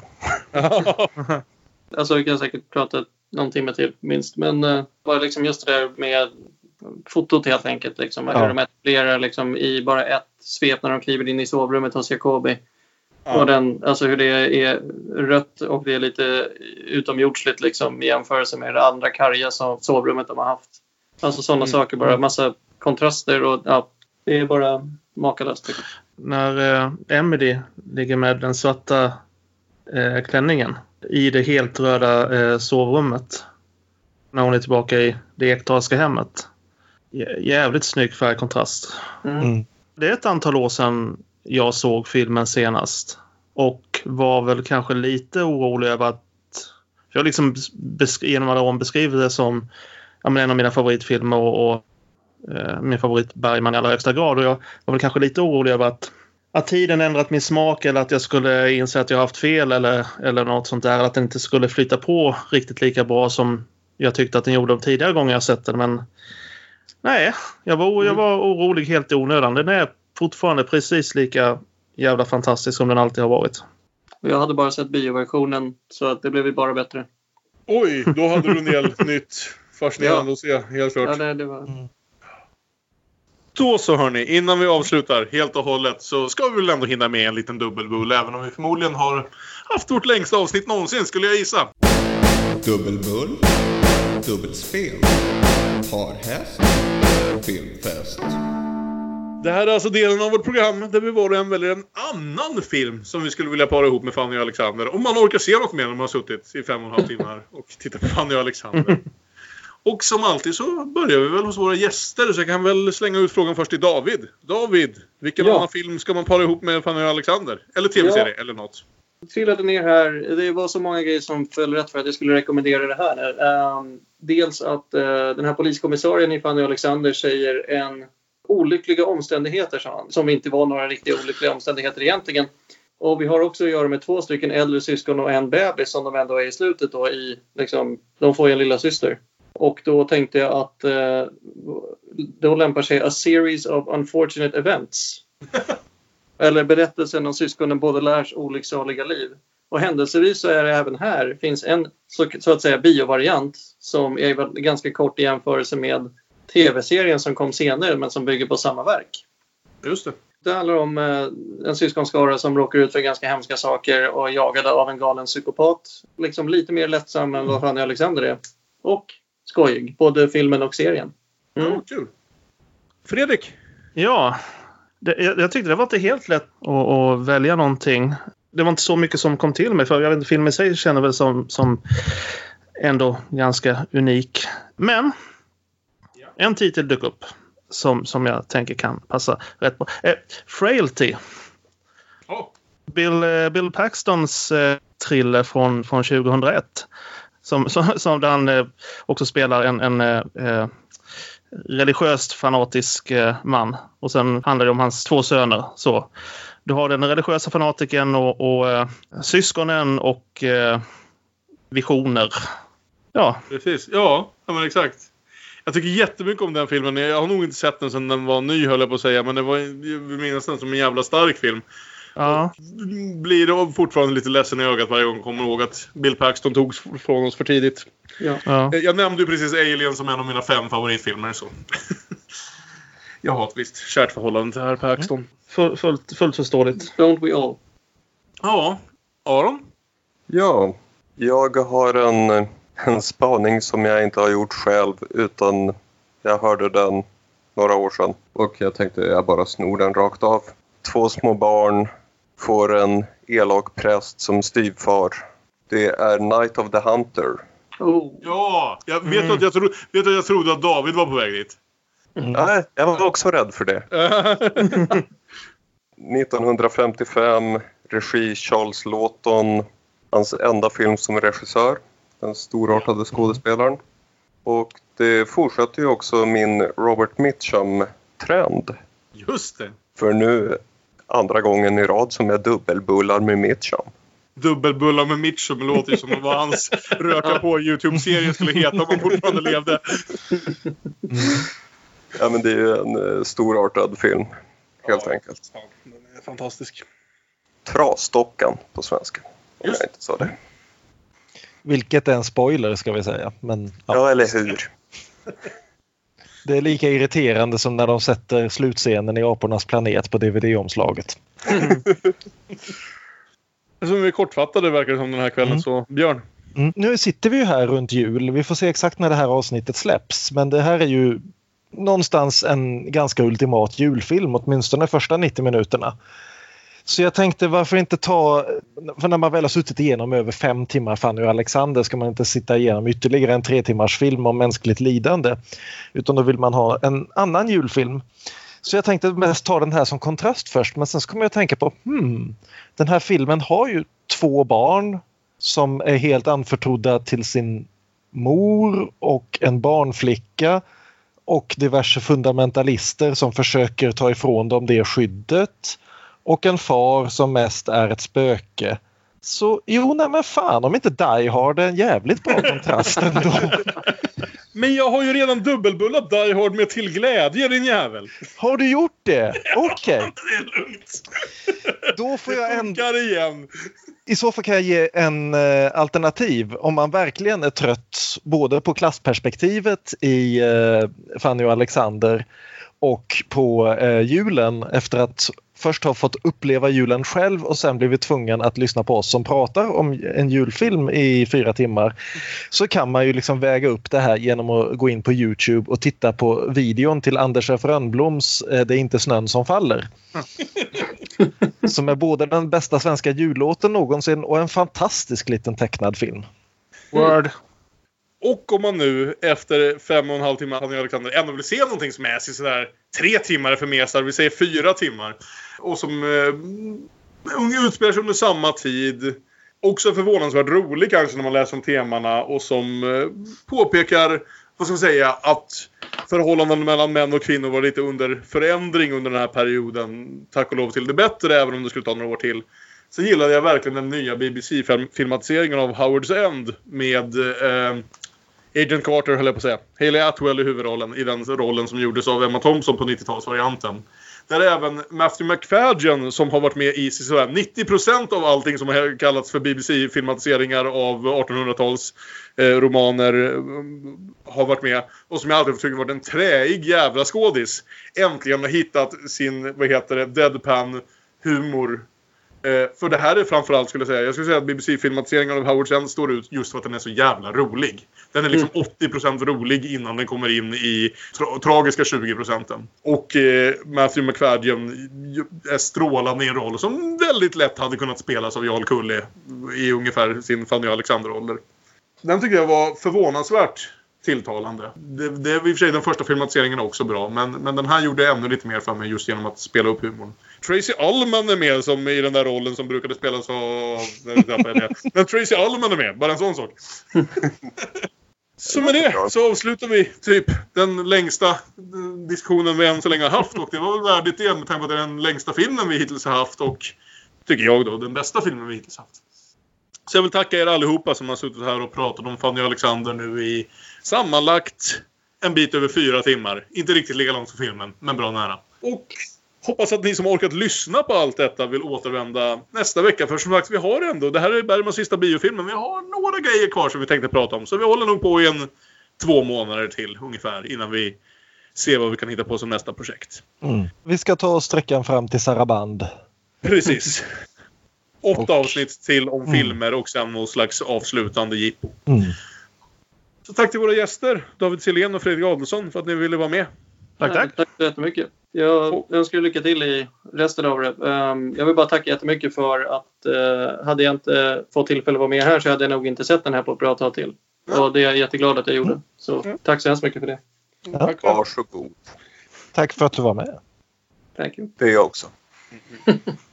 och som alltid kan ni nå oss via sociala medier. Vi är att Damonpodden på Instagram och Twitter. Vi är Damonpodden med Ä på Facebook. Man kan mejla damonpodden gmail.com. Och jag antar Aron att du även denna vecka har skapat någon form av skön musik. Ja, och jag har ju fått hjälp av er alla. Som det nästan heter i låten Demonpodden, vårt band är fetare än det mesta. ha det så bra tills vidare så hörs vi förhoppningsvis igen nästa vecka. Hej då! Hej då! Hej då! Hej då!